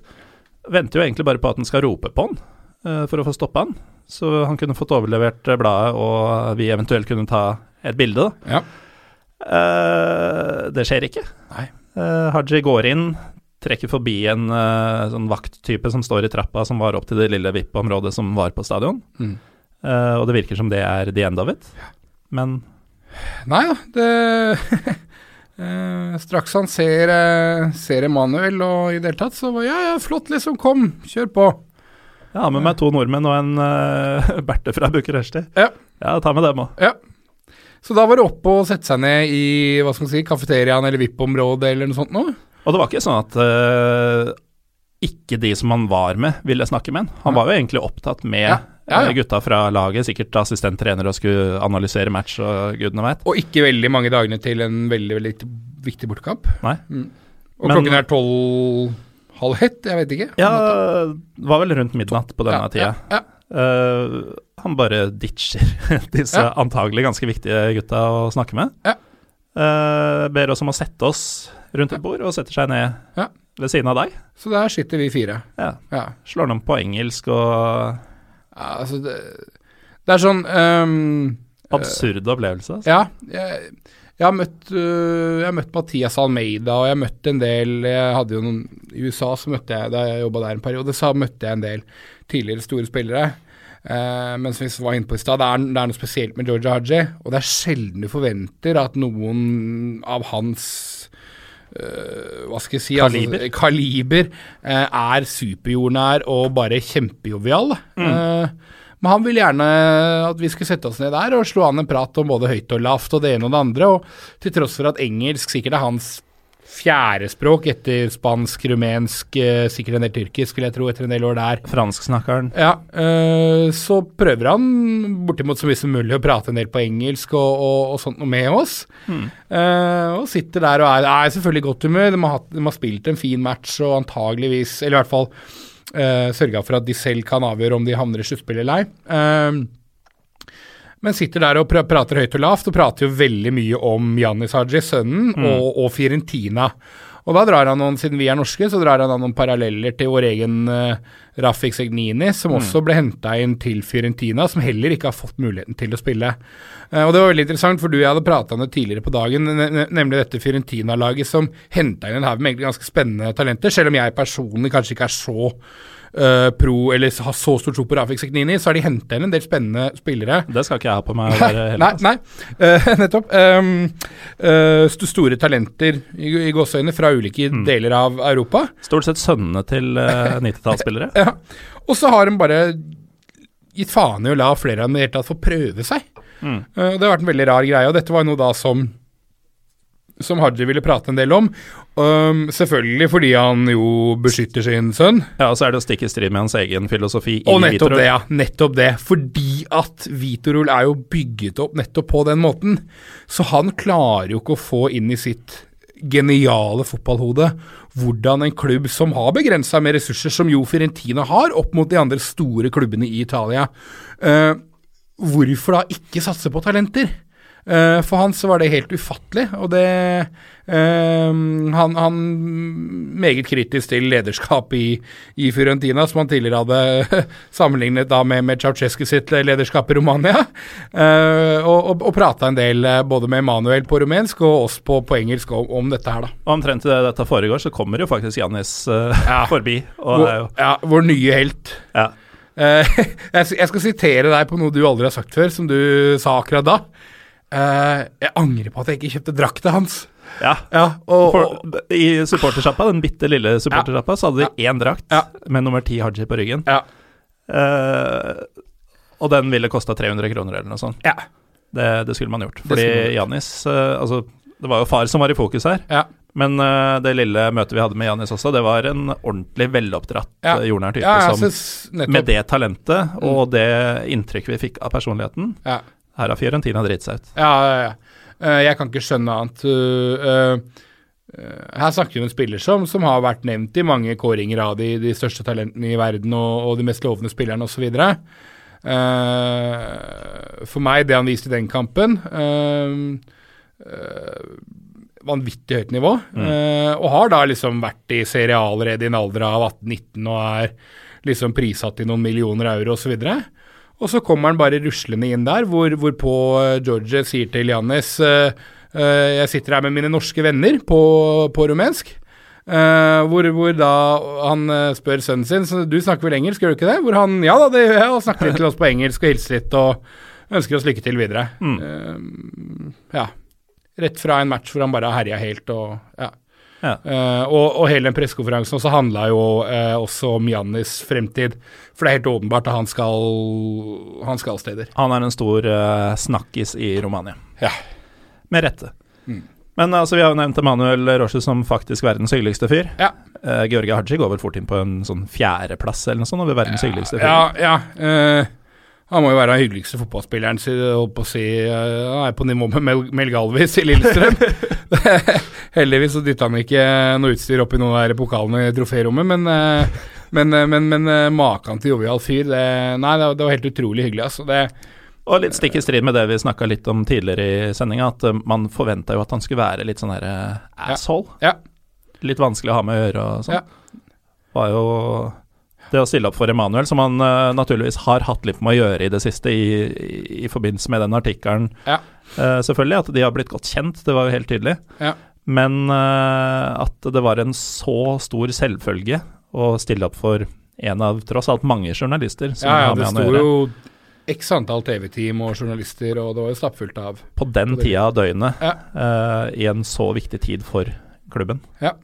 Det var eh, Nei, det var stort, Det var faktisk. Det er sjelden man blir eh, i godt voksen alder blir starstruck, men der, Ja. der gjorde man det. Og når da i tillegg vedkommende er såpass hyggelig, så var det Nei, det, det var en fin opplevelse. Det var det virkelig. Mm. Eh, men så måtte jo alle gode ting ta slutt. Vi måtte jo dra tilbake til Bucuresti og etter hvert tilbake til Oslo, som Ja. vi nå Og, og, for tre, og for tredje gang på to dager så hadde vi bytta rumensk lag, faktisk. For vi starta litt med å på en måte være litt enige om at vi egentlig eide på Staua eller eh, FCSB, til at vi ble nyforelska i Eller ble forelska i Dinamo, Ja. til at Vitorul er fader meg det feteste Det er feteste klubben i eh, Ja, i Romania. ja, i hvert fall i Romania. I hvert fall i Romania og i en del andre land. Ja. Nei, men det, det, er så, det er så sånn eh, breath of, of fresh air da, i den moderne fotballen. Mm. Uh, å se en klubb som er eh, bygget opp på denne måten. Det er så utrolig deilig å se. Og jeg visste ikke nok om dem på forhånd, så jeg trodde jo Jeg var umiddelbart skeptisk til dette som starta for under ti år siden, Ja. historieløst. Hva Ja. gjør de her oppe? Er det bare bygga opp på noe sånn Mm. Eh, svarthavsturismepenger, eh, den type ting? Ja. Kunne ikke vært lenger fra sannheten. Nei. Uh, dette var uh, klubben for meg i Romania, Ja. helt klart. Og igjen til alle lyttere, les den uh, les Denise Josimar, den artikkelen som Emanuel har skrevet der, Mm. uh, med fokus på Haji Akademi og, og Haji sin egen karriere, da. Men så har vi jo snakka om dette sluttspillet da, som, som sto på spill. Ja. Dette var da nest siste runde, og vi har fått med oss at FCSB de stakk kjepper i hjula for Dinamo, eh, men de hadde vel fortsatt eh, en brukbar mulighet. Uh, skulle riktignok til Giorgio og spille mot Astra i siste runde. Eh, et lag som også eh, i hvert fall trengte poeng for å sikre seg. Eh, på lik poengsum med Vitorul etter den seieren mot Botorsani. Vitorul på sin side skulle til Jash, som jeg tror det uttales. Ja. Eh, første stasjon på rumensk side da vi kom med nattoget etter Nest, grensekontrollen. nest største byen i, i Romania. Det er det også? Ja. Mm. Uh, men i hvert fall så um, ender jo da det med at uh, Astra slår Dynamo 2-0, og Hajis gutter vinner 1-0 borte mot Yash. Ja. Uh, det fører da til at uh, Yash og Dynamo, som har samme poengsum, skilles på innbyrdes oppgjør, som da Yash hadde til sin fordel, så Dynamo ryker ut. Og ville jo da vært med om ikke den utligninga til FCSB hadde kommet på overtid i derbyet. Ja, Eh, og, og det litt pussige, skjønte jeg i ettertid, er at uh, tabellen uh, Disse innbyrdes oppgjørene, mm. de gjør seg ikke gjeldende på tabellen før det er ferdigspilt og de eventuelt er relevante. Ja. Det betyr at selv om Jash hadde overtak på Dynamo, så lå Dynamo uh, i utgangspunktet foran på tabellene på målforskjell. ja, det stemmer. Så det betyr at Jash hadde ikke ligget på playoff-plass før de taper i siste runde Ja. og går forbi Ja. et annet lag som også hadde tapt. Ja. Det er uh, ville tilstander. Det er det. Og så er vel kanskje mange av oss litt sånn skeptiske til et sånn sluttspillsystem i fotball, men, men i hvert fall denne avslutningen der på uh, regular season i, i ligaen, som det heter i Romania, uh, ja, er jo en fantastisk avslutning. Eh, og da er det sånn at lagene fra 7. til 14. plass, de skal da spille eh, om å unngå nedrykk, mens, mens sjette til førsteplass da spiller playoffet om, om hvem som skal eh, til slutt bli krona mester, og selvfølgelig da potensielt Champions League-plass Europa League, da. Ja, og det er da seks lag, som vi sier. To ganger fem, altså hjemme og borte mot eh, hver av dem. Eh, så det er en ytterligere liga bare med, kun med toppkamper, og det er jo som eh, man har vært inne på, disse nederlenderne som var inne og så på tilstanden i norsk fotball og sånn. Ja. Eh, for produktet eh, så, så er jo det sikkert flott, men måten det gjøres på i Romania, som det også ofte gjøres andre steder hvor dette systemet fins, er at man halverer seriepoengene. Mm. Og det betyr at uh, det skal holde svært hardt for Vitorul selvfølgelig å ta et nytt gull, Ja. for de er da sju og et halvt poeng bak Cluj. Mm. Uh, og skal da ta igjen det på ti kamper. Det skjer nok ikke. Nei. Men selve gullkampen er da eh, mellom Cluj, eh, FCSB og Krajova, kan vi kanskje ta med først og fremst, fordi mellom de tre så skiller det fire poeng. Og der er Altså, nå, Ja, nå, nå har jeg halvert ja, eh, ja, poengene. Eh, så der er det Der blir det liv. Mm. Eh, og så har du da Astra og Vitrol på 22 hver, som eh, da er 7,5 poeng bak Cluj. Som uh, virkelig skal ha mirakelsluttspill for, for å få det til. Men det er jo eh, nå I en sesong der uh, Cluj leda med fem-seks poeng nå til slutt, Mm. som de vant grunnspillet med. ja, de vinner med Ja, til slutt så vinner de med fire poeng. Fire, bare? Ja. ja. Nei, da, er, da er det ikke veldig mye nyvunnen uh, spenning heller, egentlig. Nei. Det er bare litt uh, mer overkommelig for F FC SP Mm. og Krajova.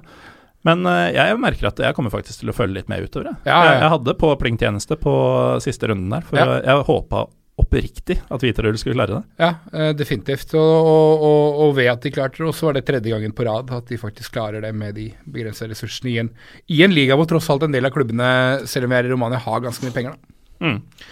Uh, ja, nei, det er klart at man heier på Hviterull nå, og du sier vel at den egentlige vinneren er vel de som til slutt ender på andreplass, ikke første. For da er det Europaliga og ikke Champions League som gjelder. Ja, Ja. men det, det er for så vidt lettere for vinneren også å komme til Europaligaen Ja, enn Champions League. det er det for så vidt. Ja. Eh, men det er klart, en andreplass uh, vil jo gjøre at mindsettet er Det handler Ja. om Europaligaen, og det er der man skal være, føler jo jeg, da. ja, nettopp. Eh, men eh, da er vi jo faktisk eh, Da har vi dekka det vi har huska å nevne fra en eh, meget interessant fotballtur. Ja, Eh, definitivt. vi- det vi ikke har nevnt, er jo Blue Air. Den flyturen ned til Romania, den satte jo virkelig standarden for, eh, for hva vi trodde vi skulle få oppleve, føler jeg. Det starta jo med hun dama som skulle ha med tralla fra flyplassen inn på flyet, og tydeligvis med seg hjem. Ja. Altså Vi snakker sånn bagasjetralle som du ja, jeg ville ha med inn på flyet. Ja. Det skjønte ikke helt hvorfor du ble stoppa der. Nei, det er så Den, rart. den er min, den nå. Ja. Den skal tilbake til Romania. Tilbake til, faktisk. Ja. Eh, og så hadde jo vi Vi lo jo godt da vi bestilte billettene, for den kosta jo i utgangspunktet 1000 kroner eller noe sånt da vi Ja. bestilte. Ja. Og så fant vi ut at vet du hva, da uh, er det vel greit å ta og kjøre opp til den der økonomi pluss-varianten, hvor vi kunne få velge sete og få med bagasje, var det vel? Ja. Hvorpå det viste seg at vi kunne bare velge mellom vanlige seter, Ja. eh, og måtte da ut med ytterligere noen hundre kroner. Det fikk vi vite etter at vi hadde betalt dette ekstra. Ja. Eh, og da lo vi godt, fordi nå hadde rumenerne tatt oss allerede før, Ja, ja, ja. Vi, før vi dro dit. Eh, så vi ender jo opp med å betale enda mer, og til slutt så har vi da fått valgt seter ved nødutgangen, tror vi. Mm. Uh, og det som var 1000 kroner, har nå blitt 1800 med diverse omkostninger. Viser seg når vi kommer på flyet at det fantes to seter på hele flyet med ekstra bærplass. Ja. De som vi hadde betalt ekstra for å få velge midt i flyet der. Det var jo helt vanlige seter. Ja.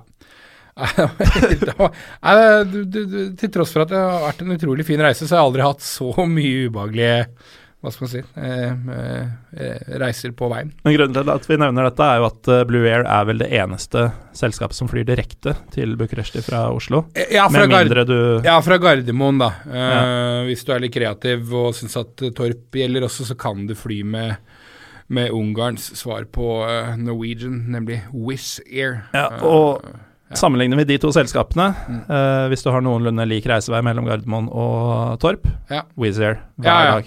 Ja, ja, ja, ja. Eh, men det var jo noen herlige karakterer. Altså, du, hun med tralla var jo én, men han som satt foran deg, oh, han visste for- åssen man flyr. For Altså. en legende, ass. Ja, nei, hva skal man si? Han, han eh, hadde, hadde, på seg, han hadde på seg ganske tighte jeans, og så hadde han dytta en spritflaske ned i hver av de lommene sine, blant annet frontlommene. Så hadde han en flaske sprit i hver av lommene. Og det var ikke sånn at han la fra seg det når han satt i den litt over tre timer lange flyturen. Det, han satt med to liksom, spritflasker pressa ned Bare bula ut og inn i hofta hans. Ja. Uh, herlig, herlig type. Ja, jeg satt jo på tvers av midtgangen uh, på raden din, Ja. og, hadde jo da diagonalsyn på han. Ikke på noe tidspunkt tok han dem ut, verken for å drikke eller for å lette presset på, på lår og hofter. Jeg lurer på om det var litt sånn som disse vi snakka om tidligere, som hadde med seg kors og Jesusfigurer Ja. og sånt. Mulig at det var Om, det, om dette er sånn trygghetsgreier for han. Ja. Hvis vi begynner å gå ned, så har jeg i hvert fall noe å døyve ned med en gang. Ja, han hadde kanskje flydd med Tarom, eh, propellfly til Moldova tidligere òg, kanskje. Og så er det jo en annen ting da som eh, Jeg tror alle som har flydd, har fått følgende beskjed hvis det er eh, håper å si en butikk i, eh, i eh, omløp, at de selger mat og drikke og sånn, og det er Vi tar helst kort, men eh, hvis du skal betale med cash, så eh, sørg for å ha eh, så å si eh, nøyaktig mengde. Her var det ikke sånn. Nei, de, Tok, tok de kort, Trym? Nei, de, de nekta å ta kort. De, eh, de skulle kun ha cash. Men da hadde de vel til gjengjeld rikelig med, med veksel? Nei. du, du betalte det, du Ja. Du betalte det du hadde? Rett og slett. Um, og det var jo det var litt sånn mishagsytringer, og det var litt, var litt misnøye rundt omkring på flyet med, med det opplegget der, da. Det var Ja. det. Så er Blue Air eller ja, Tror, tror det er Blue Air. Jeg tror det er Blue Air. Det, er, det finnes et pakistansk flyselskap som heter Air Blue, Ja. og de er på samme nivå. Um, uh, Nei, det, akkurat det er ikke noe å anbefale. Uh, men når det er sagt eh, Du kan også det er altså, Bu- Bu- eh, Henrik Wanda, som flyplassen heter i Bucuresti, eller det er en svær flyplass. Du kan fly via mange andre eh, byer i Europa òg. Jeg tar heller en mellomlanding eh, enn å fly, fly Blue Air ja. Eh, definitivt. Eh, eh, så bortsett fra noe vanvittig ubehagelig fly- eh, og togreiser og bilturer, så eh, Alt av transport. Alt av transport, så eh, Faktisk det mest behagelige var faktisk de bussene som skjøtla deg ut til flyet. Ja. og det, det er sjelden det er det mest behagelige på, på en reise, men, men det var det. Det var ikke toppen av luksus heller, så det er jo mer for å sette i, Ja. I perspektiv. Nei da, men, men til tross for det, så eh, Nå har jeg allerede erklært at jeg har en eh, kjærlighet for, for Romania, men jeg, jeg kan ikke få anbefalt eh, folk nok å reise til mm, Bucuresti i første gang, som er en, er den desidert største byen i, i Sørøst-Europa. Den er mye større enn eh, Sofia og, og Beograd f.eks. Så det er en svær by med en, med en vakker uh, Oldtown-distrikt med liksom masse spennende steder og i det hele tatt. Og verdens nest største bygning. Ja, faktisk. I gamle krypene til Ceaucescu står jo der fremdeles.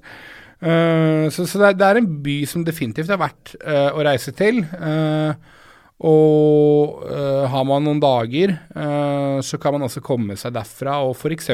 til Transylvania, hvor det er en hel rekke vanvittig vakre mindre byer, slott, festninger, gamle borger som man påstod at eh, tilhørte eh, Vlad Cepes, eh, altså Dracula osv. Så, videre. så Så det er, et, det er et land som har veldig veldig mye å by på, og, og som vi har sagt til det kjedsommelige her i episoden, de hyggeligste folka tror jeg i Europa. altså.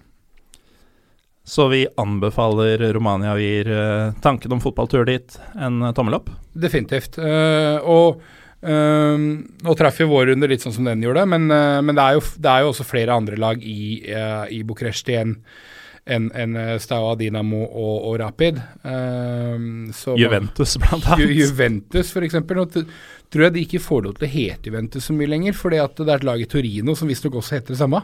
Uh, er det også noe sånn Ja, fragmentering med utgangspunkt utgangspunkt i Romania? Hva, hva er det ekte Juventus? det som er i Torino, eller det som er i eh, utkanten av uh, Bucuresti? Nei, men, men, men du, har, du har flere klubber der, og det er eh, eh, Det er bra muligheter til å reise rundt i Romania også, så det er eh, både som en sånn feriedestinasjon, men også som en fotballdestinasjon, så er det eh, to tomler opp, altså. Vi som eh, holder med sportsklubben, Mm. vi har jo noen spennende datoer i juli foran oss. Og Ja. skulle vi eh, trekke Vitorull på noe tidspunkt, da blir det Hotell Iaki. Ja, da blir det hotelljakke. Og da er det jo faktisk også uh, sommer på Ja, da er det levelige kår på stranda vel- ved Svarthavet. Ja, ja, ja, og vel så det. Det er uh, meget vakkert der på, på sommeren. Det er på en måte Romanias svar på, på eh, noen av disse her bulgarske feriedestinasjonene og og, ja, og Odessa, Ukraina og sånt. Altså disse som er gjerne pisskalde på vinteren, men dritvarme og skikkelig deilig på, på, på sommeren. Mm. Så det hadde vært gøy. Det hadde vært veldig Ja. gøy. Og så sier jo de som har vært på den type Bulgaria-ferie, at uh, det er billig på Sunny Beach. Uh, Constanza skal Det er mye mindre turisme dit, og er da visstnok vesentlig billigere enn igjen, eh, ble jeg fortalt. Jeg litt, ja, det, det er jeg litt usikker på. Det, um, rumenerne selv mener at det er dyrere enn resten av Romania, men det er jo ikke et, det er jo ikke et dyrt land. Nei. Uh, det er det jo ikke. Selv om det er mye Altså forskjell, prisforskjellen mellom Romania og Moldova uh, ja, den var uh, Ja, uh, Romania er nærmere norske priser enn Moldova er rumenske. Hvis den setningen hang på grep. Det gjorde den jo for så vidt. skulle dra på en ordentlig lavbudsjettferie, så weekendtur til Chisinau i Moldova. Og vi har jo faktisk en lytter eh, som, uh, som visstnok drar til Kishinev innimellom. Ja, så fett. Ja, Ja. Han, eh, han ble veldig gira da han skjønte at vi skulle dit. Ja. Og eh, vi, vi dro annet da vi spiste lunsjen siste dagen der, på Kafé Propaganda. Ja, det var jo et stemmer. eh, forslag fra han. Ja. Så det var jo framifrå. Ja, Det er Tydeligvis en mann som kjenner Kishinev godt. Ja, uh, De fins. Ja, og maten her var jo knallbra. Altså ikke Mm. bare der, men, men, eh, men all maten vi spiste i Kirchner var veldig veldig bra. Så mm. Selv om det er et traust og fattig land, uh, definitivt uh, et, uh, en Kirchner, definitivt en fet by å dra og tilbringe halvannen til to og en halv dag. Ja. Ja. Og så holder det. Ja, så holder det. Da har du dratt det langt. Men jeg tenker jo at uh, neste gang vi skal til området, så må vi jo ta en sånn trans-trans-tur. Ja. Uh, Transylvania og Transnistria. ja. Se Sheriff et sted. Kanskje stoppe innom uh, Kishnau uh, på, på veien tilbake, og så ja, stikker innom stampuben i Kishnau. ja. Ja. Du må vise hvor de var, for det husker ikke jeg. Nei, du husker nok lite. Men du har vært i Kishinev, det har du. Uh, så noen bilder. Ja. Uh, da nærmer vi oss to timer, som, uh, som seg hør og bør når du er her, Trym. Takk for at du kom. Takk for at jeg fikk komme og være med på tur. Og takk for at du passa på meg da jeg mista grepet i Kishinev. Ja, det, det måtte til. Fant jeg noen gang vannflaska mi? Du trodde du hadde mista alt, men ting, ting dukka nå opp, da. Men, nei, nei, off, ja, nei, det- er så mye der som jeg ikke kan fortelle med, med god samvittighet uh, her, så det Jeg, syns faktisk vi skal, de som har giddet å høre på så lenge, de bør egentlig få høre nøkkelhistorien, i hvert fall. Jeg fortalte den til noen på jobben, og de syntes det var gøy. Ja, riktig. Men du, du kan den bedre enn meg. Ja, jeg jeg, jeg syns ikke det var så festlig. Vi hadde da tatt denne uh, uh, drosja, nattetaxien hjem, som kosta 27 kroner. Eh, og da hadde vi vært på alle byens utesteder. Det var fem stykker eller sånt nå. Det er hele hovedstaden i, i Moldova. Uh, hvor vi da kommer til dette hotellet. Det var ingen andre gjester på hotellene. Altså, det hadde ikke vært gjester her på et år. Vannet hadde gått ut på dato i minibaren vår. Og det Vann har liksom litt holdbarhet, da. Det, det, det var ingen der, så det var låst. Det var du som hadde nøkkelen. Uh, Hevda du, ja. ja, for det, for det var det jo. Så jeg sa du har nøkkelen. Vi hadde en nøkkel til hotellrommet. Sier du nei, det har jeg ikke. Og du var ordentlig avtale og var ganske langt ute. Så jeg men, men du har det, gidder du bare å lå... Nei, du, du ville ikke det. Uh, hvorpå du konkluderer med at uh, og om det skulle vise seg at du hadde den nøkkelen, så spilte det heller ingen rolle. Fordi at vi kom sikkert ikke til å komme oss inn på hotellet uansett. Så din konklusjon da var klokka fire om natta i Kishinev, Moldova, og ti minus ute. Ja, vi skulle bare legge oss og sove på balkongen, så det var ikke vits i å prøve engang. Og du gadd ikke å sjekke om du hadde nøkkelen. Da merka jeg at uh, seks dager til skulle bli ganske seigt. Uh, men eh, vi klarte nå til slutt å overbevise deg om at ålreit, du fikk ta fram den nøkkelen og, og låse opp døra. Så Ja, og så var det jo en ringeklokke, så vi kunne faktisk komme oss inn i bygget. ja da, vi kunne det. Men du, du ga opp ganske fort. Nei, det spilte ingen rolle. Da var jeg ikke å prøve, og jeg har ikke den nøkkelen uansett. Ok. Nei da, så Men det er klart at ja, når en koster syv-åtte kroner, og spriten sikkert det samme, så, så er det fort gjort å la seg rive med. Så jeg, så jeg tilgir deg jo den, da. Ja, uh, nei, nei, men du Uansett, takk for en hyggelig tur, og Jo. for det som jeg håper har blitt en ok podkastepisode. Med, med noe innslag av fotball og mye transport i dag. Ja, Mm. og litt uh, transcendens, som jeg vel var på vei til eh, Ja. den ene kvelden. Ja. Uh, jeg er en fin fyr, tydeligvis, som heter Morten Galaasen. Vi er Pyro Pivopod på Twitter og Instagram. Vi skal sikkert på flere turer i nær framtid, men uh, Ikke til Kishinev. ikke til Kishinev. Takk for at du hører på, og ha det! Der er vi dere.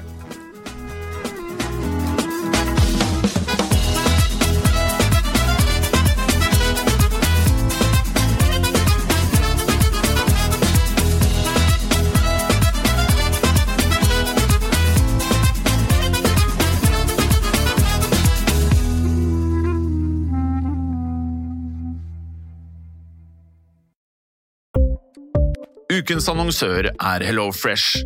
HelloFresh er verdens ledende matkasseleverandør og kan være redningen i en travel hverdag. Mange av oss har nok vandret i butikken både sultne og uten en plan for middagen, som ender med at vi går for de samme kjedelige rettene gang på gang. Middag burde være dagens høydepunkt. Som HelloFresh kan du nå velge mellom 25 ulike retter hver eneste uke, eller få HelloFresh til å sette sammen menyen for deg. Dette gir deg muligheten til å prøve nye og spennende retter alene eller sammen med familien. Du velger antall porsjoner og får alt levert på døren på et tidspunkt som passer for deg. Oppskriftene er enkle, og maten er lett å lage både for store og for små. Ved å få alt levert hjem får du også mer tid til å dele matgleden med familie og venner.